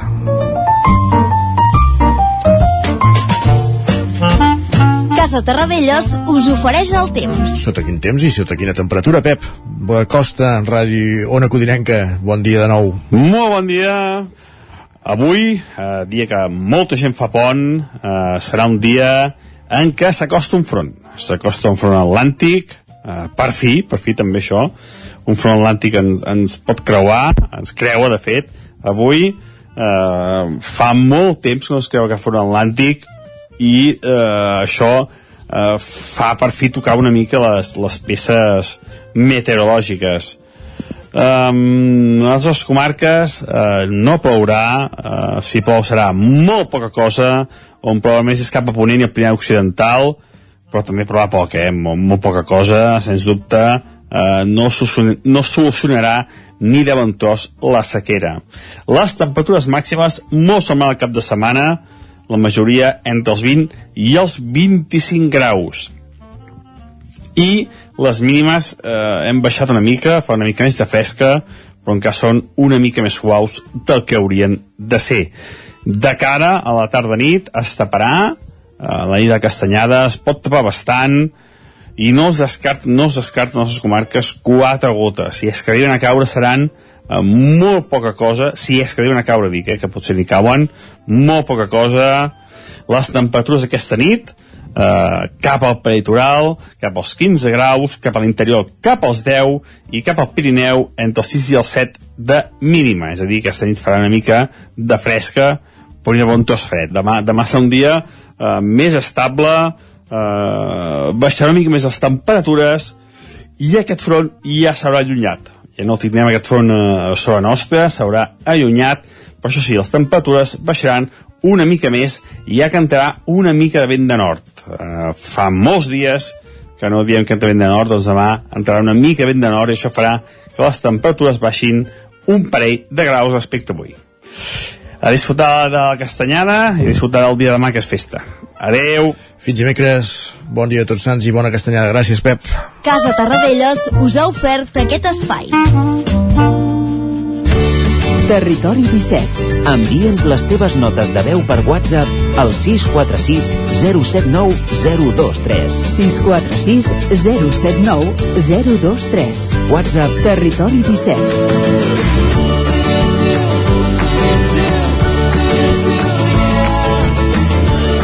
Territori 17. Som a Facebook, Twitter i Instagram amb l'usuari Territori 17.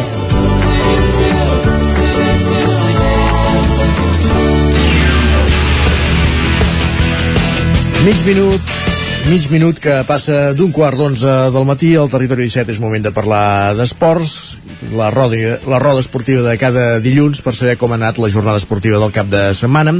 Una roda que la comencem als estudis de Ràdio i Televisió Cardedeu. Pol Grau, benvingut de nou Bon dia. Tenies un micro una mica lluny, eh? Sí, m'ha deixat allà. Molt bé. Eh, eh. Millorem allò de la setmana passada també ha perdut o, o com està la cosa? No, algun hi ha més balanç positiu avui. Doncs va, som-hi. Com, comencem a, tercer, a segona catalana sí. amb el primer equip del Cardedeu que va perdre 3 a 1 sí. però va començar guanyant 0 a 1 però va acabar el partit amb dos jugadors menys no va, coses que passen i van remuntar un 3 a 1 contra el Cirera. Segueix mantenint la segona posició, però va empatat amb el quart i el, el tercer i el quart i el cinquè.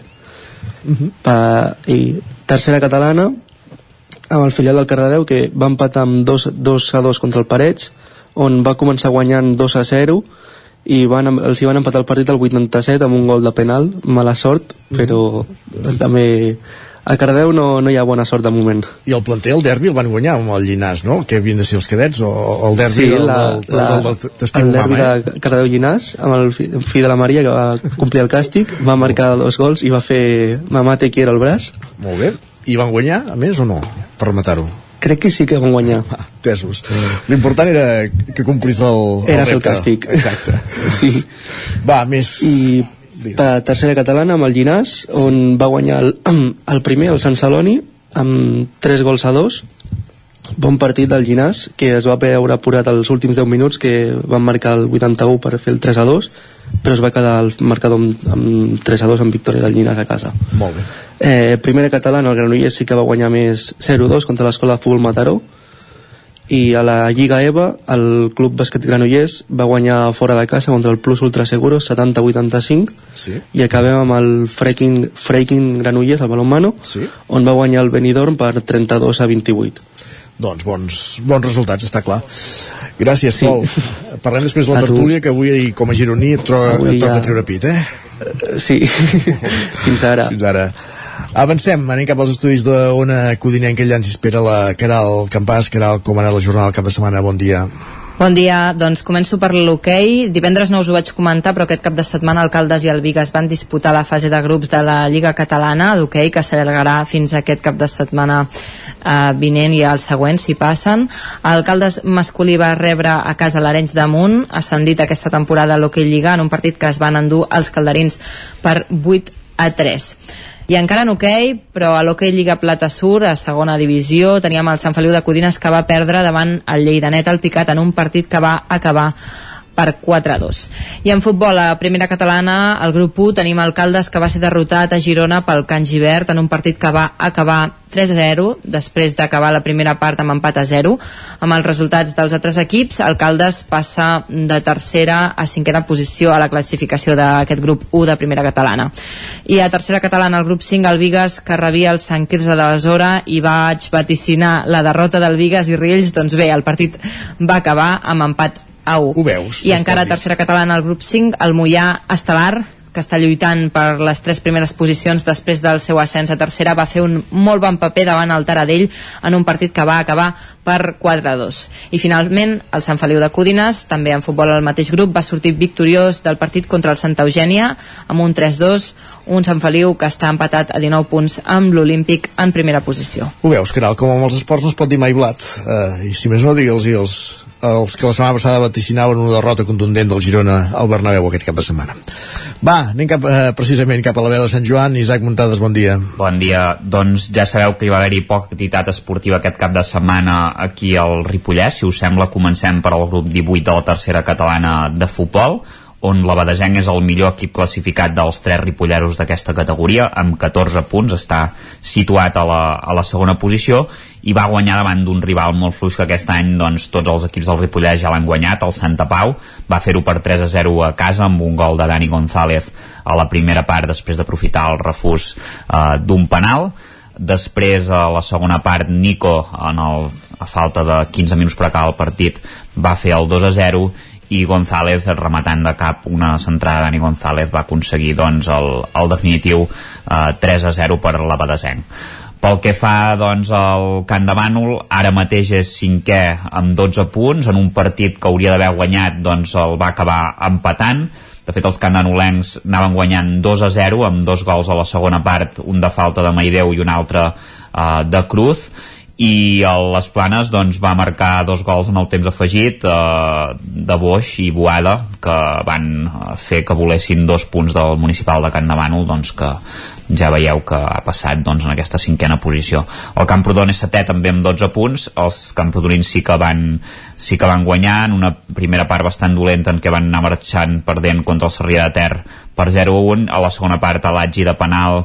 I ja en el tram final del partit Edu Planella i Lluc també de penal doncs van capgirar el marcador i van posar el 3 a 1 definitiu pel que fa al futbol sala, a la primera nacional, el Ripoll va aconseguir un bon empat a dos a, a casa contra el Batània i hauria d'haver estat millor el resultat perquè els ripollers van ser superiors en el primer temps i van marxar al descans amb un 1 a 0. Uh, a la segona part els visitants van aprofitar erro els errors ripollesos per capgirar el marcador i situar-se per davant en el marcador per 1 a 2 però el Ripoll doncs, va aconseguir uh, empatar gràcies a dos gols de Pere ara mateix el Ripoll se situa uh, desè a la classificació amb 4 punts i, i d'augment fora de, de les zones de descens. Gràcies, Isaac. Jo que amb aquest recorregut, com sempre, als estudis del 9FM, on ja ens espera l'Ester Rovira. Benvinguda, bon dia. Bon dia. Com ha anat el cap de setmana? Doncs mira, un cap de setmana de, de retrobament amb victòries, en molts casos, com el del Tona, la tercera federació de futbol, eh, gràcies a un gol de Pau Juventeny en l'última jugada del partit eh, al camp de la Grama, que els va permetre als tonencs eh, doncs això, tornar a sumar de 3 en 3. Eh, recordem que portaven 6 jornades entre empats i derrotes Carai. i per tant era important eh, tornar a, a guanyar i eh, així va ser en un partit on també hi va haver com a nota positiva el retorn als terrenys de joc d'Enric Casanovas eh, a Casca després de 9 mesos sense poder-ho fer eh, per culpa d'una lesió, per tant jornada rodona per al Tona eh, a tercera federació que surt de la zona de, de descens i ara és 12è amb 9 punts en una zona mitja eh, d'aquest grup 5 de tercera federació molt igualat, eh? per tant eh, és molt d'hora i passaran moltes coses eh, amb tanta poca diferència entre tots els equips. En el cas de la primera catalana, eh, aquest cap de setmana el punt d'interès era aquest derbi que disputaven el Vic i el Torelló. Eh, 52 anys feia que no s'enfrontaven els dos equips. Eh, Qui va guanyar? Qui va guanyar? Va. eh, eh, aquesta vegada o fa 50 anys? No, aquesta vegada. Aquesta vegada. Eh, compta. aquesta, victòria, aquesta vegada la victòria va ser per al Torelló, eh, per 1 a 2, eh, amb dos gols dels germans Coll. Primer va marcar en Pol de penal, igualant el gol inicial també de penal eh, que havia fet eh, Campaio per al Vic, i al minut 94 de partit, Nil Coll eh, va fer rematant de, de cap el l'1 a 2 definitiu que donava aquesta victòria eh, a un Torelló que, poca broma, s'ha situat tercer a la classificació amb 9 punts, darrere l'escala, que és el primer amb 15, i el Can Givert, que és el segon amb 12. I que ja ha guanyat els dos derbis, el Manlleu i el Vic. Eh? Se les han fotent el Manlleu i el Vic i el Torelló, com sempre passa la vida. Passa, No, per, el- pel- passa, avança pel lateral. El, eh, no, però el derbi amb el Manlleu el va guanyar el Manlleu, eh? En sèrio? Sí, sí. No, no va guanyar el Torelló. No, va guanyar el, el, el Manlleu. Ara, ara ja d'allò, l'he passat molt, eh? Però... Has, has No sé estava convençut que el derbi el...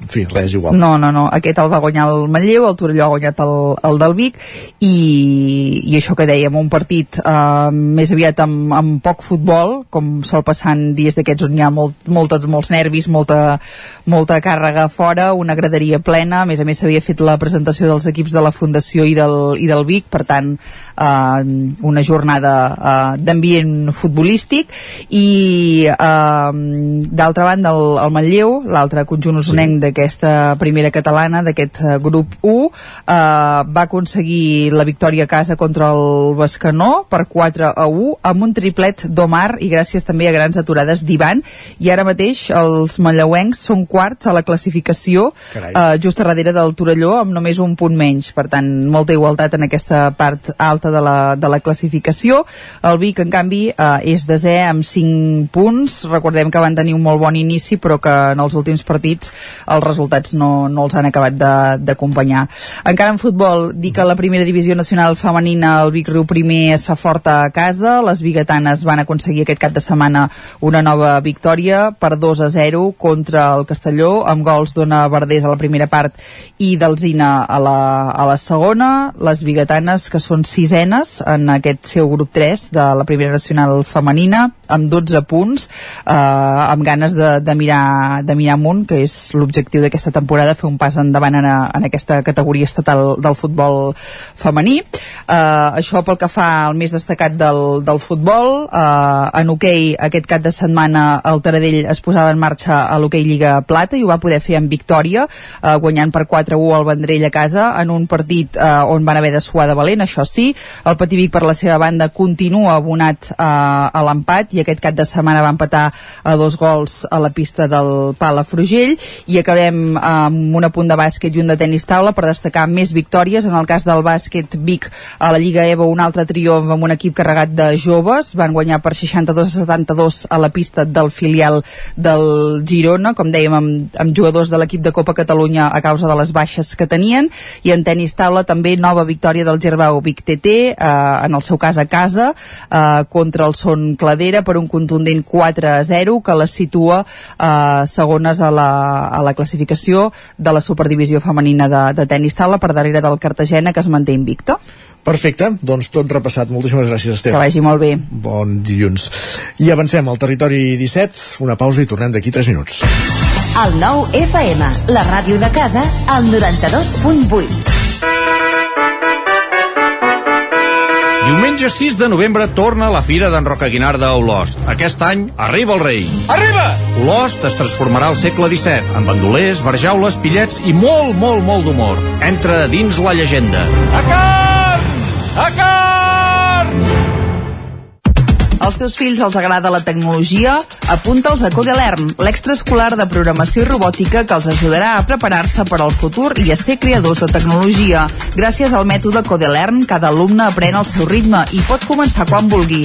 Us esperem a la Ronda Francesc Camprodon número 45 de Vic. Més informació a codelern.cat.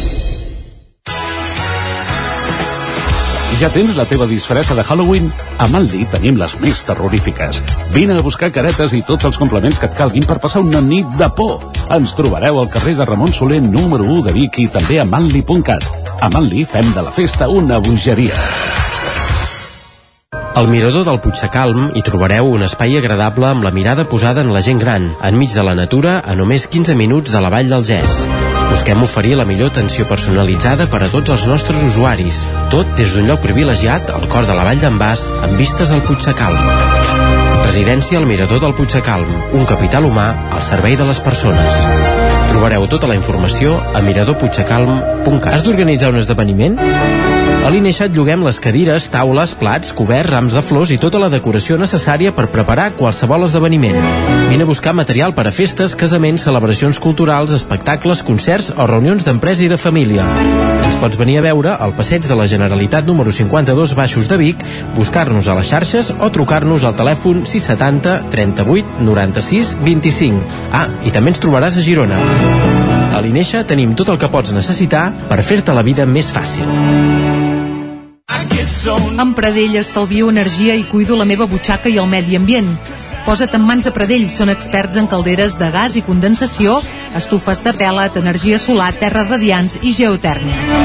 Pradell instal·la calderes de biomassa per a particulars i per a empreses. Si vols estalviar un 50% en consum, contacta amb Pradell i passa't a les energies renovables. Pradell, som a l'Avinguda Països Catalans 27 de Vic. Telèfon 93 885 1197. Pradell.cat. Anuncia't al 9FM. La màquina de casa. 9 3 8 8 9 4 9 4 9. Publicitat arroba al 9FM.cat. Anuncia't al 9FM. La publicitat més eficaç. El 9FM, la ràdio de casa, al 92.8.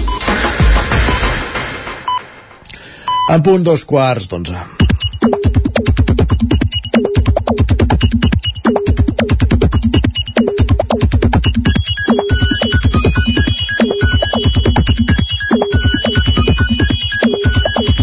I a dos quarts d'onze, com cada dia, ens acompanya en Guillem Sánchez amb les piolades. Guillem, bon dia. Què tal? Bon dia. Com estàs? Bé, de fet, retrobats des del dilluns passat, em sembla, eh? Ah, imagina't, tu, tu fas, tu, això sí que és un aqueducte. De dilluns a dilluns, Vam això sí que és un pont. Vam venir a treballar, eh, s'ha de dir, però no, no vam poder organitzar-ho tot per poder-hi ser cada dia llegint les piolades, però, Per però bé. compromisos professionals no vas poder seguir, ja. Correcte, correcte.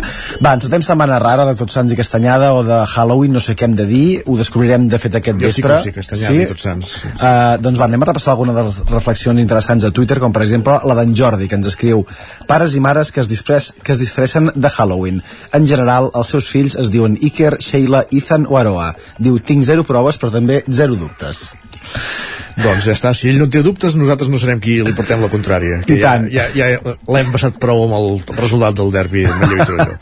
Va, l'Anna- l'Anna crec que és més de barrejar tradicions. Ens escriu que tothom faci el que li vingui de gust, Halloween o castanyada. Jo em disfressaré de castanyera assassina amb una pella foradada i cridaré susto a mort mentre llanço moniatos crus. És una bona manera de, de poder viure les dues coses, de fet. Sí, A Torelló he vist que fan una iniciativa bastant divertida, que és que eh, posis una, una carbassa a la porta de casa Sí. si vols que et piquin. Si Correcte. no, és una, per tant, si no hi ha carbassa, no piques el timbre, penso que mira. Correcte, com a mínim és ja que, una... ja que s'ha de patir, s'ha de conviure, doncs com a mínim que hi hagi una opció I tant. de triar. Va, i només un apunt. Recordeu que la setmana passada, Isaac, parlàvem d'un càstig que la Maria havia posat al seu fill per arribar tard a casa? Ho recordem perfectament. Partit de futbol al cap de setmana havia de portar un tatuatge i en funció de si marcava o no, el deixaven o no jugar a la videoconsola. Doncs no saps eh, com, ha, com ha acabat, no sé si has vist el, el tuit, Isaac. No l'he vist, però m'ho ha activat en Pol abans, però vaja, però digues, digues. Mira, ens diu, dos golets i una mare feliç. Mai un càstig havia repartit tantes coses maques. I de fet ho adjunta una fotografia amb el tatuatge escrit aquí, no sé, no sé si amb rotulador permanent o no, que llavors ja seria un bon, un bon debat, que em sembla que posava mama... Eh, T'estimo. T'estimo. Sí, sí. Doncs mira, que una és el bona que li havia demanat la Maria que havia de fer per complir el càstig, per, Doncs- per arribar a casa una hora tard i sense avisar. doncs una bona dedicatòria per la, per la mare, i tant. Va, i en aquestes dates i després del canvi d'hora del cap de setmana, no sé si opinions com la d'en Martí són gaire habituals. Ens escriu, doncs què voleu que us digui? A mi ja em va bé que es faci fosc tan aviat. Molt a favor d'aquestes tardes curtes. Són sinònim de més fred, de fer més vida a casa i d'agafar-s'ho tot amb més calma i de reclusió. Diu sobretot aquesta última paraula, reclusió. Ara sí, benvinguda tardor. Home, i sembla que ens han d'acompanyar també una mica amb baixada de temperatures, per tant, temperatures, diuen, sí. per tant, pijama llarg i, i mantes al, al sofà ja. No, però avui gresca i xirinola, que és castanyada avui, I no? tant, sí, avui sí, bé, a partir de, a partir de demà, a partir de demà. Va, i a la Júlia em sembla que no li ha agradat massa per això aquest canvi d'hora, ho escrivia avui mateix al matí. Diu, amb la merda del canvi d'hora tinc el marit despert des de les 6 del matí i els nens tot darrere. Deixeu-me dormir, si plau. El que no posa és si el marit fa bricolatge, per, per, per, dir una activitat a l'atzar. No, això no ens, ha, no ens ho ha dit. I ahir a la tarda aquest usuari també ens compartia les següents reflexions. Diu, fa una hora que és fosc i volia fer mil coses, però se me n'han tret totes les ganes perquè sembla que ja sigui l'hora de sopar. Ho diu el canvi d'hora. Coses que poden passar. I parlant d'hora de sopar i de menjar, una pregunta de l'Anna a través de les xarxes, a veure si la podem ajudar, Isaac. Ja. A veure, diu, últimament em trobo en la situació de tenir dos adolescents que mengen una quantitat brutal de teca i això ha acabat sent un problema a l'hora d'anar a dinar fora. Les pobres criatures es queden amb gana. Em podeu ajudar a fer una llista de llocs on menjar i sortir rodolant? Uh, És una bona pregunta, aquesta. Sí, podem fer-la, però ara hauríem de pensar una mica. Però Ens jo crec que podem durant, durant la, la, la setmana li podríem anar donant algunes recomanacions, Home, potser. el, el, el, el top per antonomàcia a Osona és Fusimanya. Doncs mira, Fusimanya 1 i a partir d'aquí Ja anirem dient, descobrint llista. Va, i per acabar hem de destacar sí o sí el tuit d'en Joan, un tuit una mica mm, reial, podríem dir. Ens escriu, de tot l'afer Princesa Leonor fent caca a un Oh, bar, això és només espero que fes aquella cosa tan incòmoda de demanar una ampolla d'aigua petita natural i dir, ara vinc, t'ho pago, m'ho deixes aquí a la barra, moltes gràcies.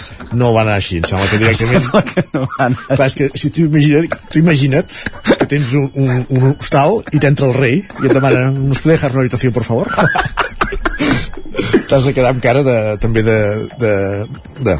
I no hem destacat algun dels altres tuits que deien eh, molt a favor o vull donar les gràcies a la persona que ha muntat la notícia de la princesa havent d'anar de ventre a un local, diu, i posar les imatges de la princesa plantant literalment un, un pi, a no sé quin lloc d'Espanya que també ho va fer, però molt encertat, molt encertat. Està clar que, tot i tenir semblava, també tenen gastroenteritis. I també, com tothom.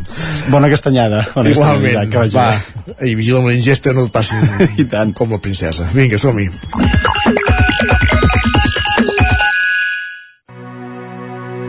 Territori 17.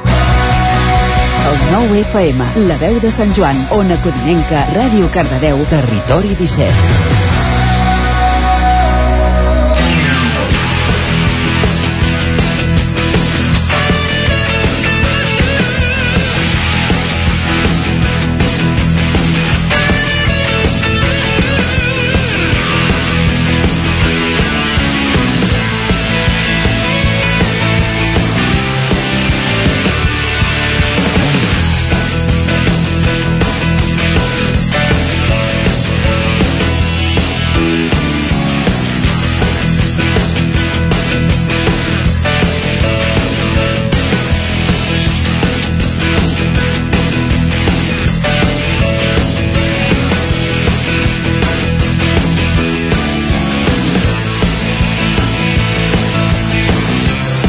Tertúlia esportiva per acabar el programa d'avui, com cada dilluns, i avui en companyia de Lluís de Planell, Agustí Danés i Pol Grau. Benvinguts a tots tres. Gràcies, bon dia. Com estem? Hola, bon dia. Pol, ets per aquí? Sí, bon dia, bon dia. Bon dia. Doncs va. Falta algun avui? Sí, avui no hi ha muntades, no sé per què. No, però, home, no, digues la veritat, ja va dir que no podia, no? Vull dir Ah, que sí, no va dir que no, por. no té res a veure, no ha fet una cosa d'última hora. No, no, està clar. L'Isaac sempre dona la cara i segur que no ha passat el, aquesta punxada al Bernabéu, que és el que havia fet de desistir avui aquí. Va, com ho vas viure això, Pol, ahir? Nerviós, molt nerviós. Sí? molt nerviós, però bé, bé, un partit. Home, un, un punt al sac, un punt al serró, que tal com estava la cosa no, no, no està malament. Podríem haver guanyat, jo crec, però un punt que val per 3 per mi.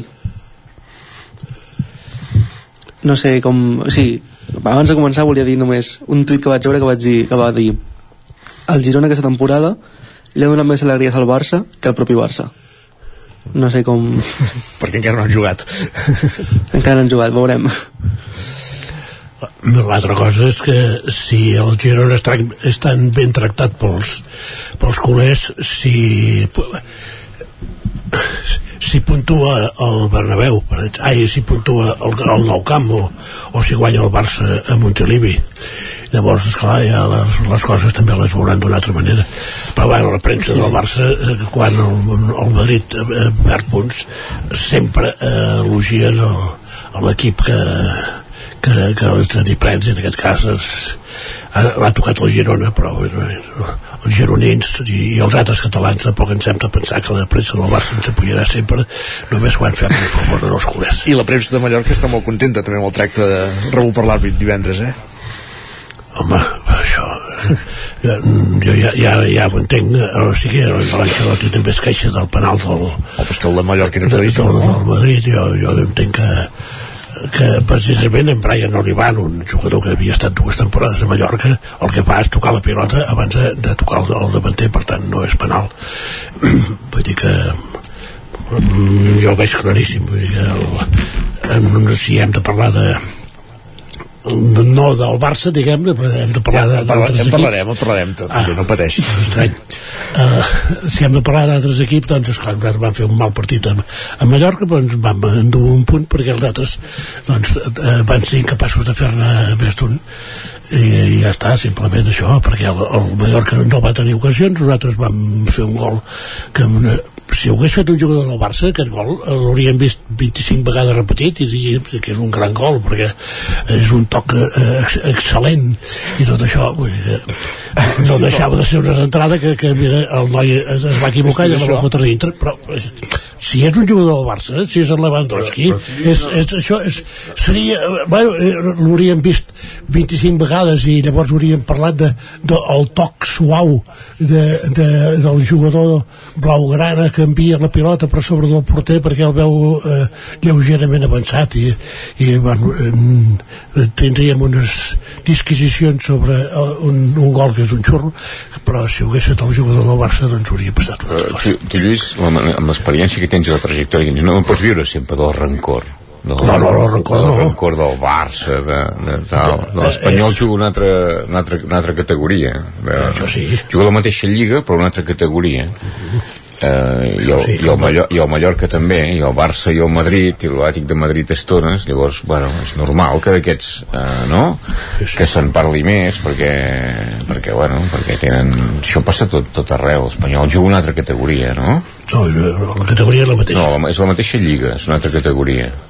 No, no, un altre pressupost. Diguem un altre El pressupost. Girona encara una altra categoria més. exacte, el Girona una menys el Girona. No, per això, vull dir que això, de, això dels títols aquests, gràcies Girona i tot això, és una ho lògica... dius per l'esport, és el que ha titulat l'esport, no? Sí, bueno, però és igual, perquè tot, tot, tota la premsa... Oh, I inclús em penso que és el que és l'ara que encara els hi foten crits als del Girona perquè no van, enca- no van guanyar que, eh, en, encara consideren que l'empat és poca cosa vull dir que imagina't si No, però, però, però, és un bon resultat. Això, la, la, la manera de saber-ho, el grau de notícia, que són les, les cases d'apostes, no? Vull dir que segurament aquest resultat es deu pagar molt bé. Per tant, és molt sorpresa i per tant és molt notícia. No? Jo ho veig així, o sigui, no és un tema de, de dir, això era previsible, no, jo vaig fer la porra, vaig posar 4-1 a favor del Madrid. Hòstia. Uh, però no, no, no, no, no, no, l'empat no, no l'esperava. però no, no, no perquè ho volgués, no? sinó perquè el que volia era la pasta jo bueno, i, clar, i llavors dic 4-1 no perquè és el resultat que jo volgués perquè és el que pensava que passaria i això a les cases d'apostes eh, l'empat segur que el premiaven molt bé per tant és lògic, jo el Gràcies Girona el veig correcte.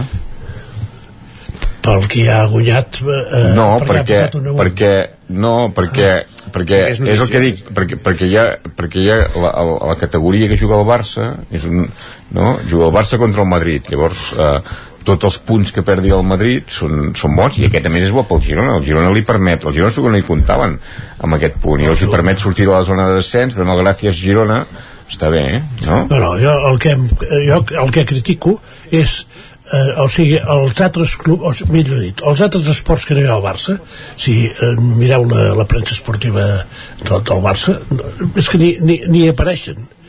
Vull dir, eh, per exemple, un esport que hi ha al Barça i que en les nostres comarques és, és, és prou seguit, l'hoquei patins en, si veus la, la, la notícia sempre la, la única crònica que existeix en, en, en els diaris és la del Barça. I llavors posen els, els altres resultats perquè mira, també hi són oi, els altres però ni cròniques ni històries Vull dir, no, re, simple, no existeixen No, si, i- si i- no ets el Barça no existeixes I el futbol sala, fins fa 4 dies ningú en parlava del futbol sala, fins que el Barça va tenir secció professional. No?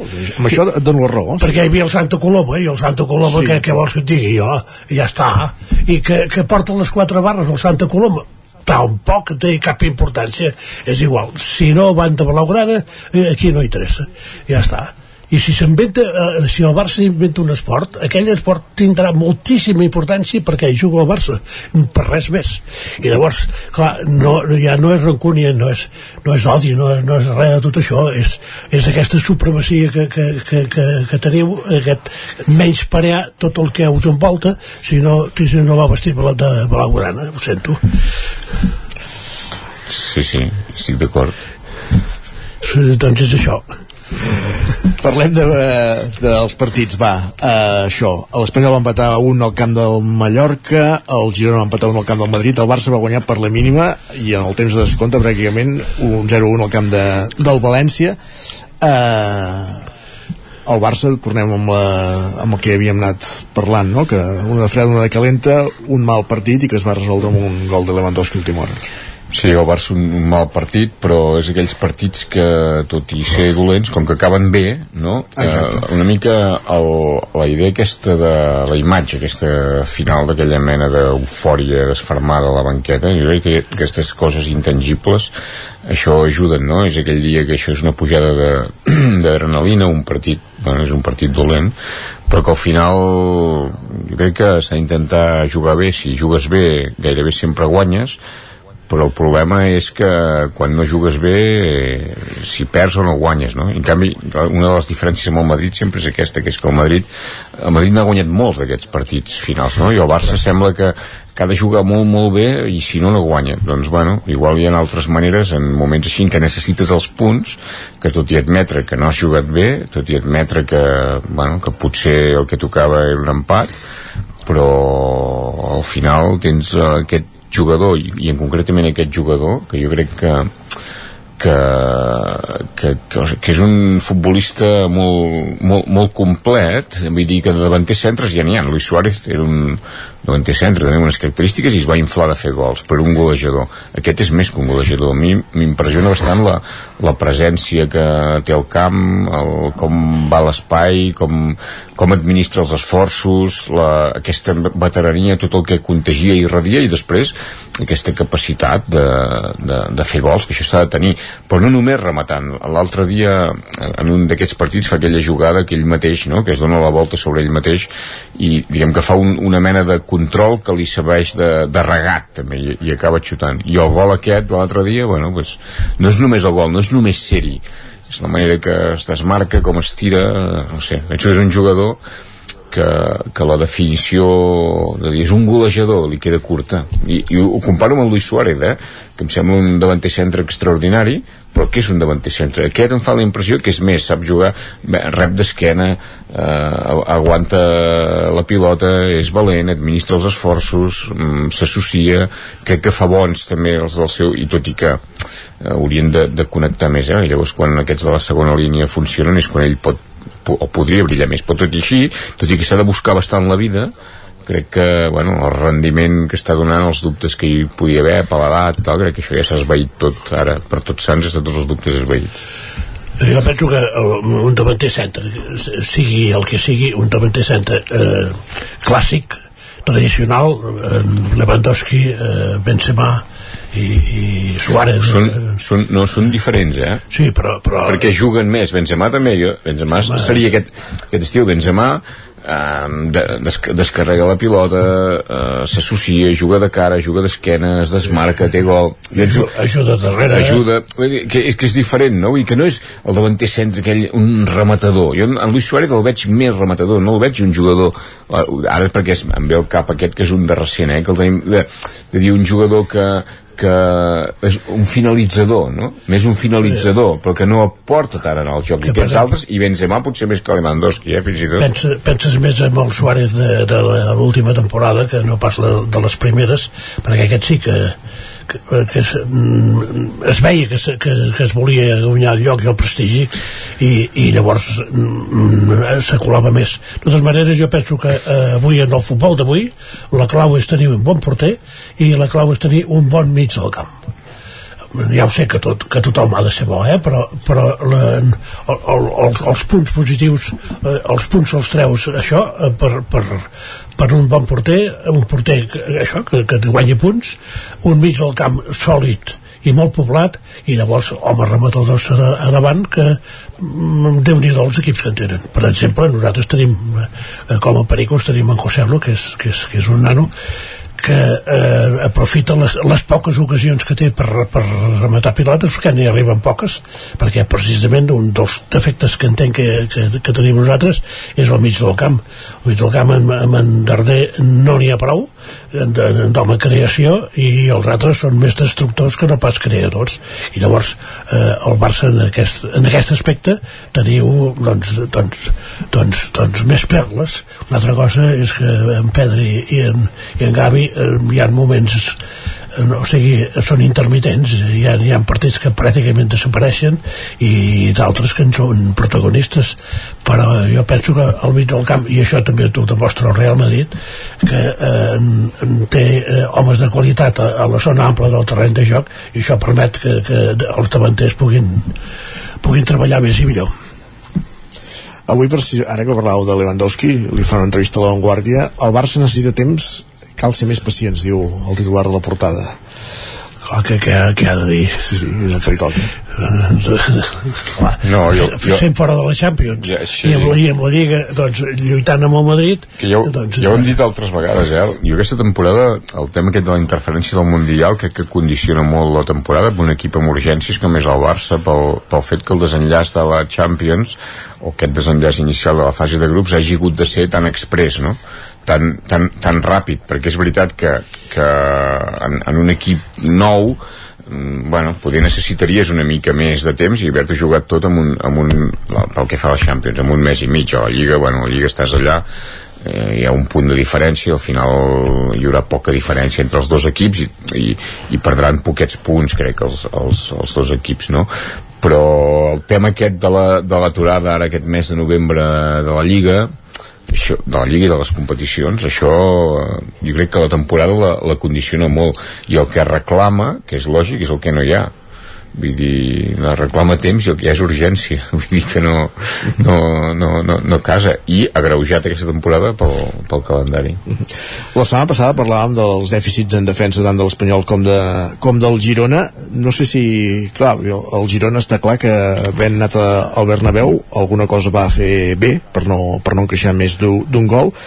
Eh, hi ha una tan millora aquesta setmana o com, com ho heu vist? Pol, comença tu, va Sí, no. Eh, jo, amb la millora de canvi de porteria de Gazzaniga, crec que ha donat més solidesa defensiva, que és el, el que li mancava bastant a Juan Carlos amb el joc dels peus, que és el que demana, demana a Mitchell, sortir amb els peus a jugar de parada, i Gazzaniga crec que se'n surt prou, prou, prou bé, a part és un porter alt, un 95-96 que fa, o sigui, bastant alt, i amb les mans ja s'ha vist que té, juga bé, i fa parades, vull dir que és el que necessitàvem, un porter que necessités estar concentrat i fes parades que et donessin punts com els del Bernabéu.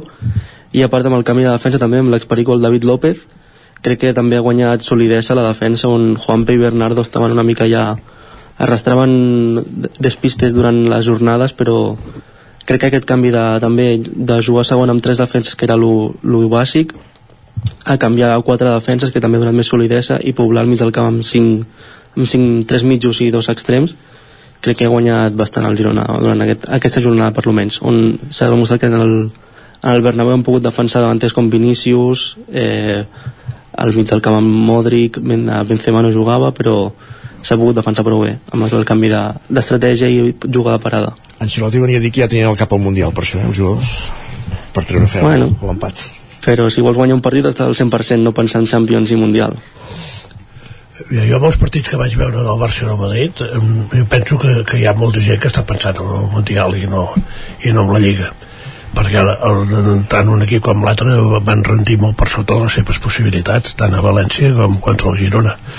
Vull dir que mm, això que diu l'Angelotti jo hi estic absolutament d'acord en totes coses perquè eh, normalment eh, el Mundial eh, comença quan s'ha acabat la temporada quan, quan ja no tens res més a fer amb, amb l'equip però aquí en, acabis eh, a un punt eh, per davant o per darrere del Madrid o acabis amb tres punts per, eh, de, eh, per allunyar-te del, del descens en, en, quan la competició està al mes de novembre al mig novembre quan, quan, quan s'acabarà el campionat o, o no, el 9, el 9 o el 10 de, de, de novembre sí, eh, llavors tot, tot és reversible vull dir que eh, es, es pot solucionar tot. I per tant el jugador pot pensar més en el Mundial que no pas amb el, amb el seu club perquè això, perquè, perquè quan torni quan comenci l'any que ve que, que el dia 31 torna, de desembre torna a la competició llavors ja en parlarem, això ja ho solucionarem. Això és el que penso jo, eh? Hi ha dues coses sobre el que preguntava l'Isaac de, de les defenses, jo crec que és molt important perquè el futbol, el que comentaves tal com va avui, i tenint en compte, eh, insisteixo en la idea aquesta que ho feia una mica per provocar de les lligues i les categories, tenint en compte que hi ha diferents categories, no, no tothom pot, pot, pot jugar igual, aleshores eh, el futbol al final sí que ha de ser propositiu però també és un joc d'errors i, i, i per tant mm, protegir-se i defensar-se molt bé és una manera de, de, de reduir aquests errors o de dir que és, més, és com més fàcil no? per un equip és, és més fàcil eh, no, no cometre errors que no pas fent certs aleshores assegurar molt bé o, o com deies poblar el mig del camp tenir un bon porter bueno, això et dona més possibilitats de poder portar els partits com és el cas de, del Girona ahir en una situació que tu puguis, que puguis disputar-lo o puguis discutir-lo. Llavors falta que arribi aquesta situació, perquè si tu vas al camp del Barça o del Madrid, el que et pot passar és que al minut 70 el partit ja estigui resolt. Però si no ho està, és això, no?, que tu pots arribar en aquests últims 20 minuts, si estàs dins el partit, o tens el partit empatat, o estàs un gol per sota, amb possibilitat, llavors sí, d'intentar buscar aquest encert, que és més difícil, buscar l'encert que no pas evitar errors per, per obtenir un bon resultat, no? Això d'una banda. I d'altra banda, pel, del que comentaves, el tema aquest del calendari, jo hem dit, jo crec que, que incideix molt, i a banda de, de, de que, que efectivament que tot, tot estarà per resoldre a la Lliga, si hi ha un punt amunt, un punt avall, tres, és igual, faltarà, faltarà molt, però és curiós també, penso, on, serà curiós veure on són els pics de forma de, dels jugadors, perquè en una temporada normal, allò lògic és que, que tu comencis, a vegades equips eh, que van més justos eh, si poden fer una bona arrencada doncs aconsegueixen un botí de punts que els hi permet llavors passar aquests mesos d'hivern i primavera d'una manera més tranquil·la. Els equips grans normalment el, el pic de forma l'han de tenir a la primavera que és quan, quan hi ha les eliminatòries de, de Champions, de Copa i quan es decideix la Lliga. Però aquesta temporada jo crec que a banda del que sigui la planificació dels equips hi ha, hi ha una altra part a tenir en compte que és el càlcul personal dels mateixos futbolistes. Hi ha, hi ha un cas que crec que és claríssim que és el d'en Messi. O sigui, en Messi Messi està en un moment de forma increïble i, i a què ve que, que per la castanyada Messi estigui tan en forma? Bé, perquè ell sap que l'objectiu seu d'aquesta temporada, que també deu ser guanyar la Champions, però és el Mundial i, i, i anirà totes pel Mundial. Per tant el, el seu pic de forma serà ara, aquest, aquest, aquest hivern. Llavors és veure què passarà, perquè és una situació nova que no s'ha donat mai això, què passarà? El, el gener, el febrer, que normalment els equips això, això passava, aquests grans al Barça d'en Guardiola li passava que al mes de febrer sempre hi havia, no? hi havia un, un, un moment com de, com de dubte, però era normal. Tu portaves una arrencada d'aquests 3 o 4 mesos feia una baixada i llavors tornava a fer. I per tant el tema aquest del pic de forma hi, hi ha dues coses, eh? una banda és la, la planificació que puguin fer els entrenadors i l'altra és el càlcul personal dels jugadors que, que aniran al Mundial. Però jo penso una cosa, pels jugadors que aniran al Mundial hi han du, dues fases al eh, món Mundial al mig. La primera, sense competició i entrenes i prepares el Mundial i la segona que fas la pre, pre, pre temporada amb el, amb el, teu, amb el teu equip o sigui una cosa pel, pel, pel novembre i l'altra pel desembre eh? Eh, llavors això quina incidència tindrà en el, en el pic de forma dels jugadors i els jugadors que no el van al Mundial que esclar, n'hi ha molts que van al Mundial eh? perquè, no, però, que no, la majoria no però exactament, però aquests molts que no hi van encara que facin gires com es diu, que no sé què que jugaran a partits amistosos què carai faran durant dos mesos eh, sense Mira el competició? Mundial per la tele sí, però, però esclar, i llavors quan tornin a competir com estaran? fatal no, i la, si això és així i, la, i el, hi, ha, hi ha altres qüestions que són més difícils perquè no reflecteixen les estadístiques que és el, el ritme de, el ritme mateix de, de competició les dinàmiques de grup, el jugar partits guanyar, empatar partits no? això eh, es trencarà tot i és una pausa llarga eh? perquè aquest mes i mig és, és temps eh? Sí, i, i quina incidència tindrà després inclús eh, amb el, eh, físicament pels jugadors uh -huh. perquè en, en, entrar en una dinàmica de selecció vol dir canviar la preparació física normalment, vol dir eh, actuar d'una altra manera i llavors quan tornes diguem a la rutina del teu club eh, bueno, t'hi has d'adaptar en parlarem perquè durarà dos mesos el Mundial. Moltes gràcies Lluís de Planell i Agustí Danés pel grau. Bon dia a tots tres i bona castanyada. Bon dia. Bona castanyada igualment. I acabem el territori 17 d'avui dilluns, 31 d'octubre de 2022. Us hem acompanyat des de les 9 del matí Pepa Costa, Laura Serrat, Isaac Montades, Caral Campàs, Esther Rovira, Guillem Sánchez, Pol Grau, Lluís de Planella, Agustí Anés, Sergi Vives i Isaac Moreno. Del 9 FM. La veu de Sant Joan Ona Codinenca i Ràdio Cardedeu amb el suport de la xarxa. Bona castanyada i fins dimecres.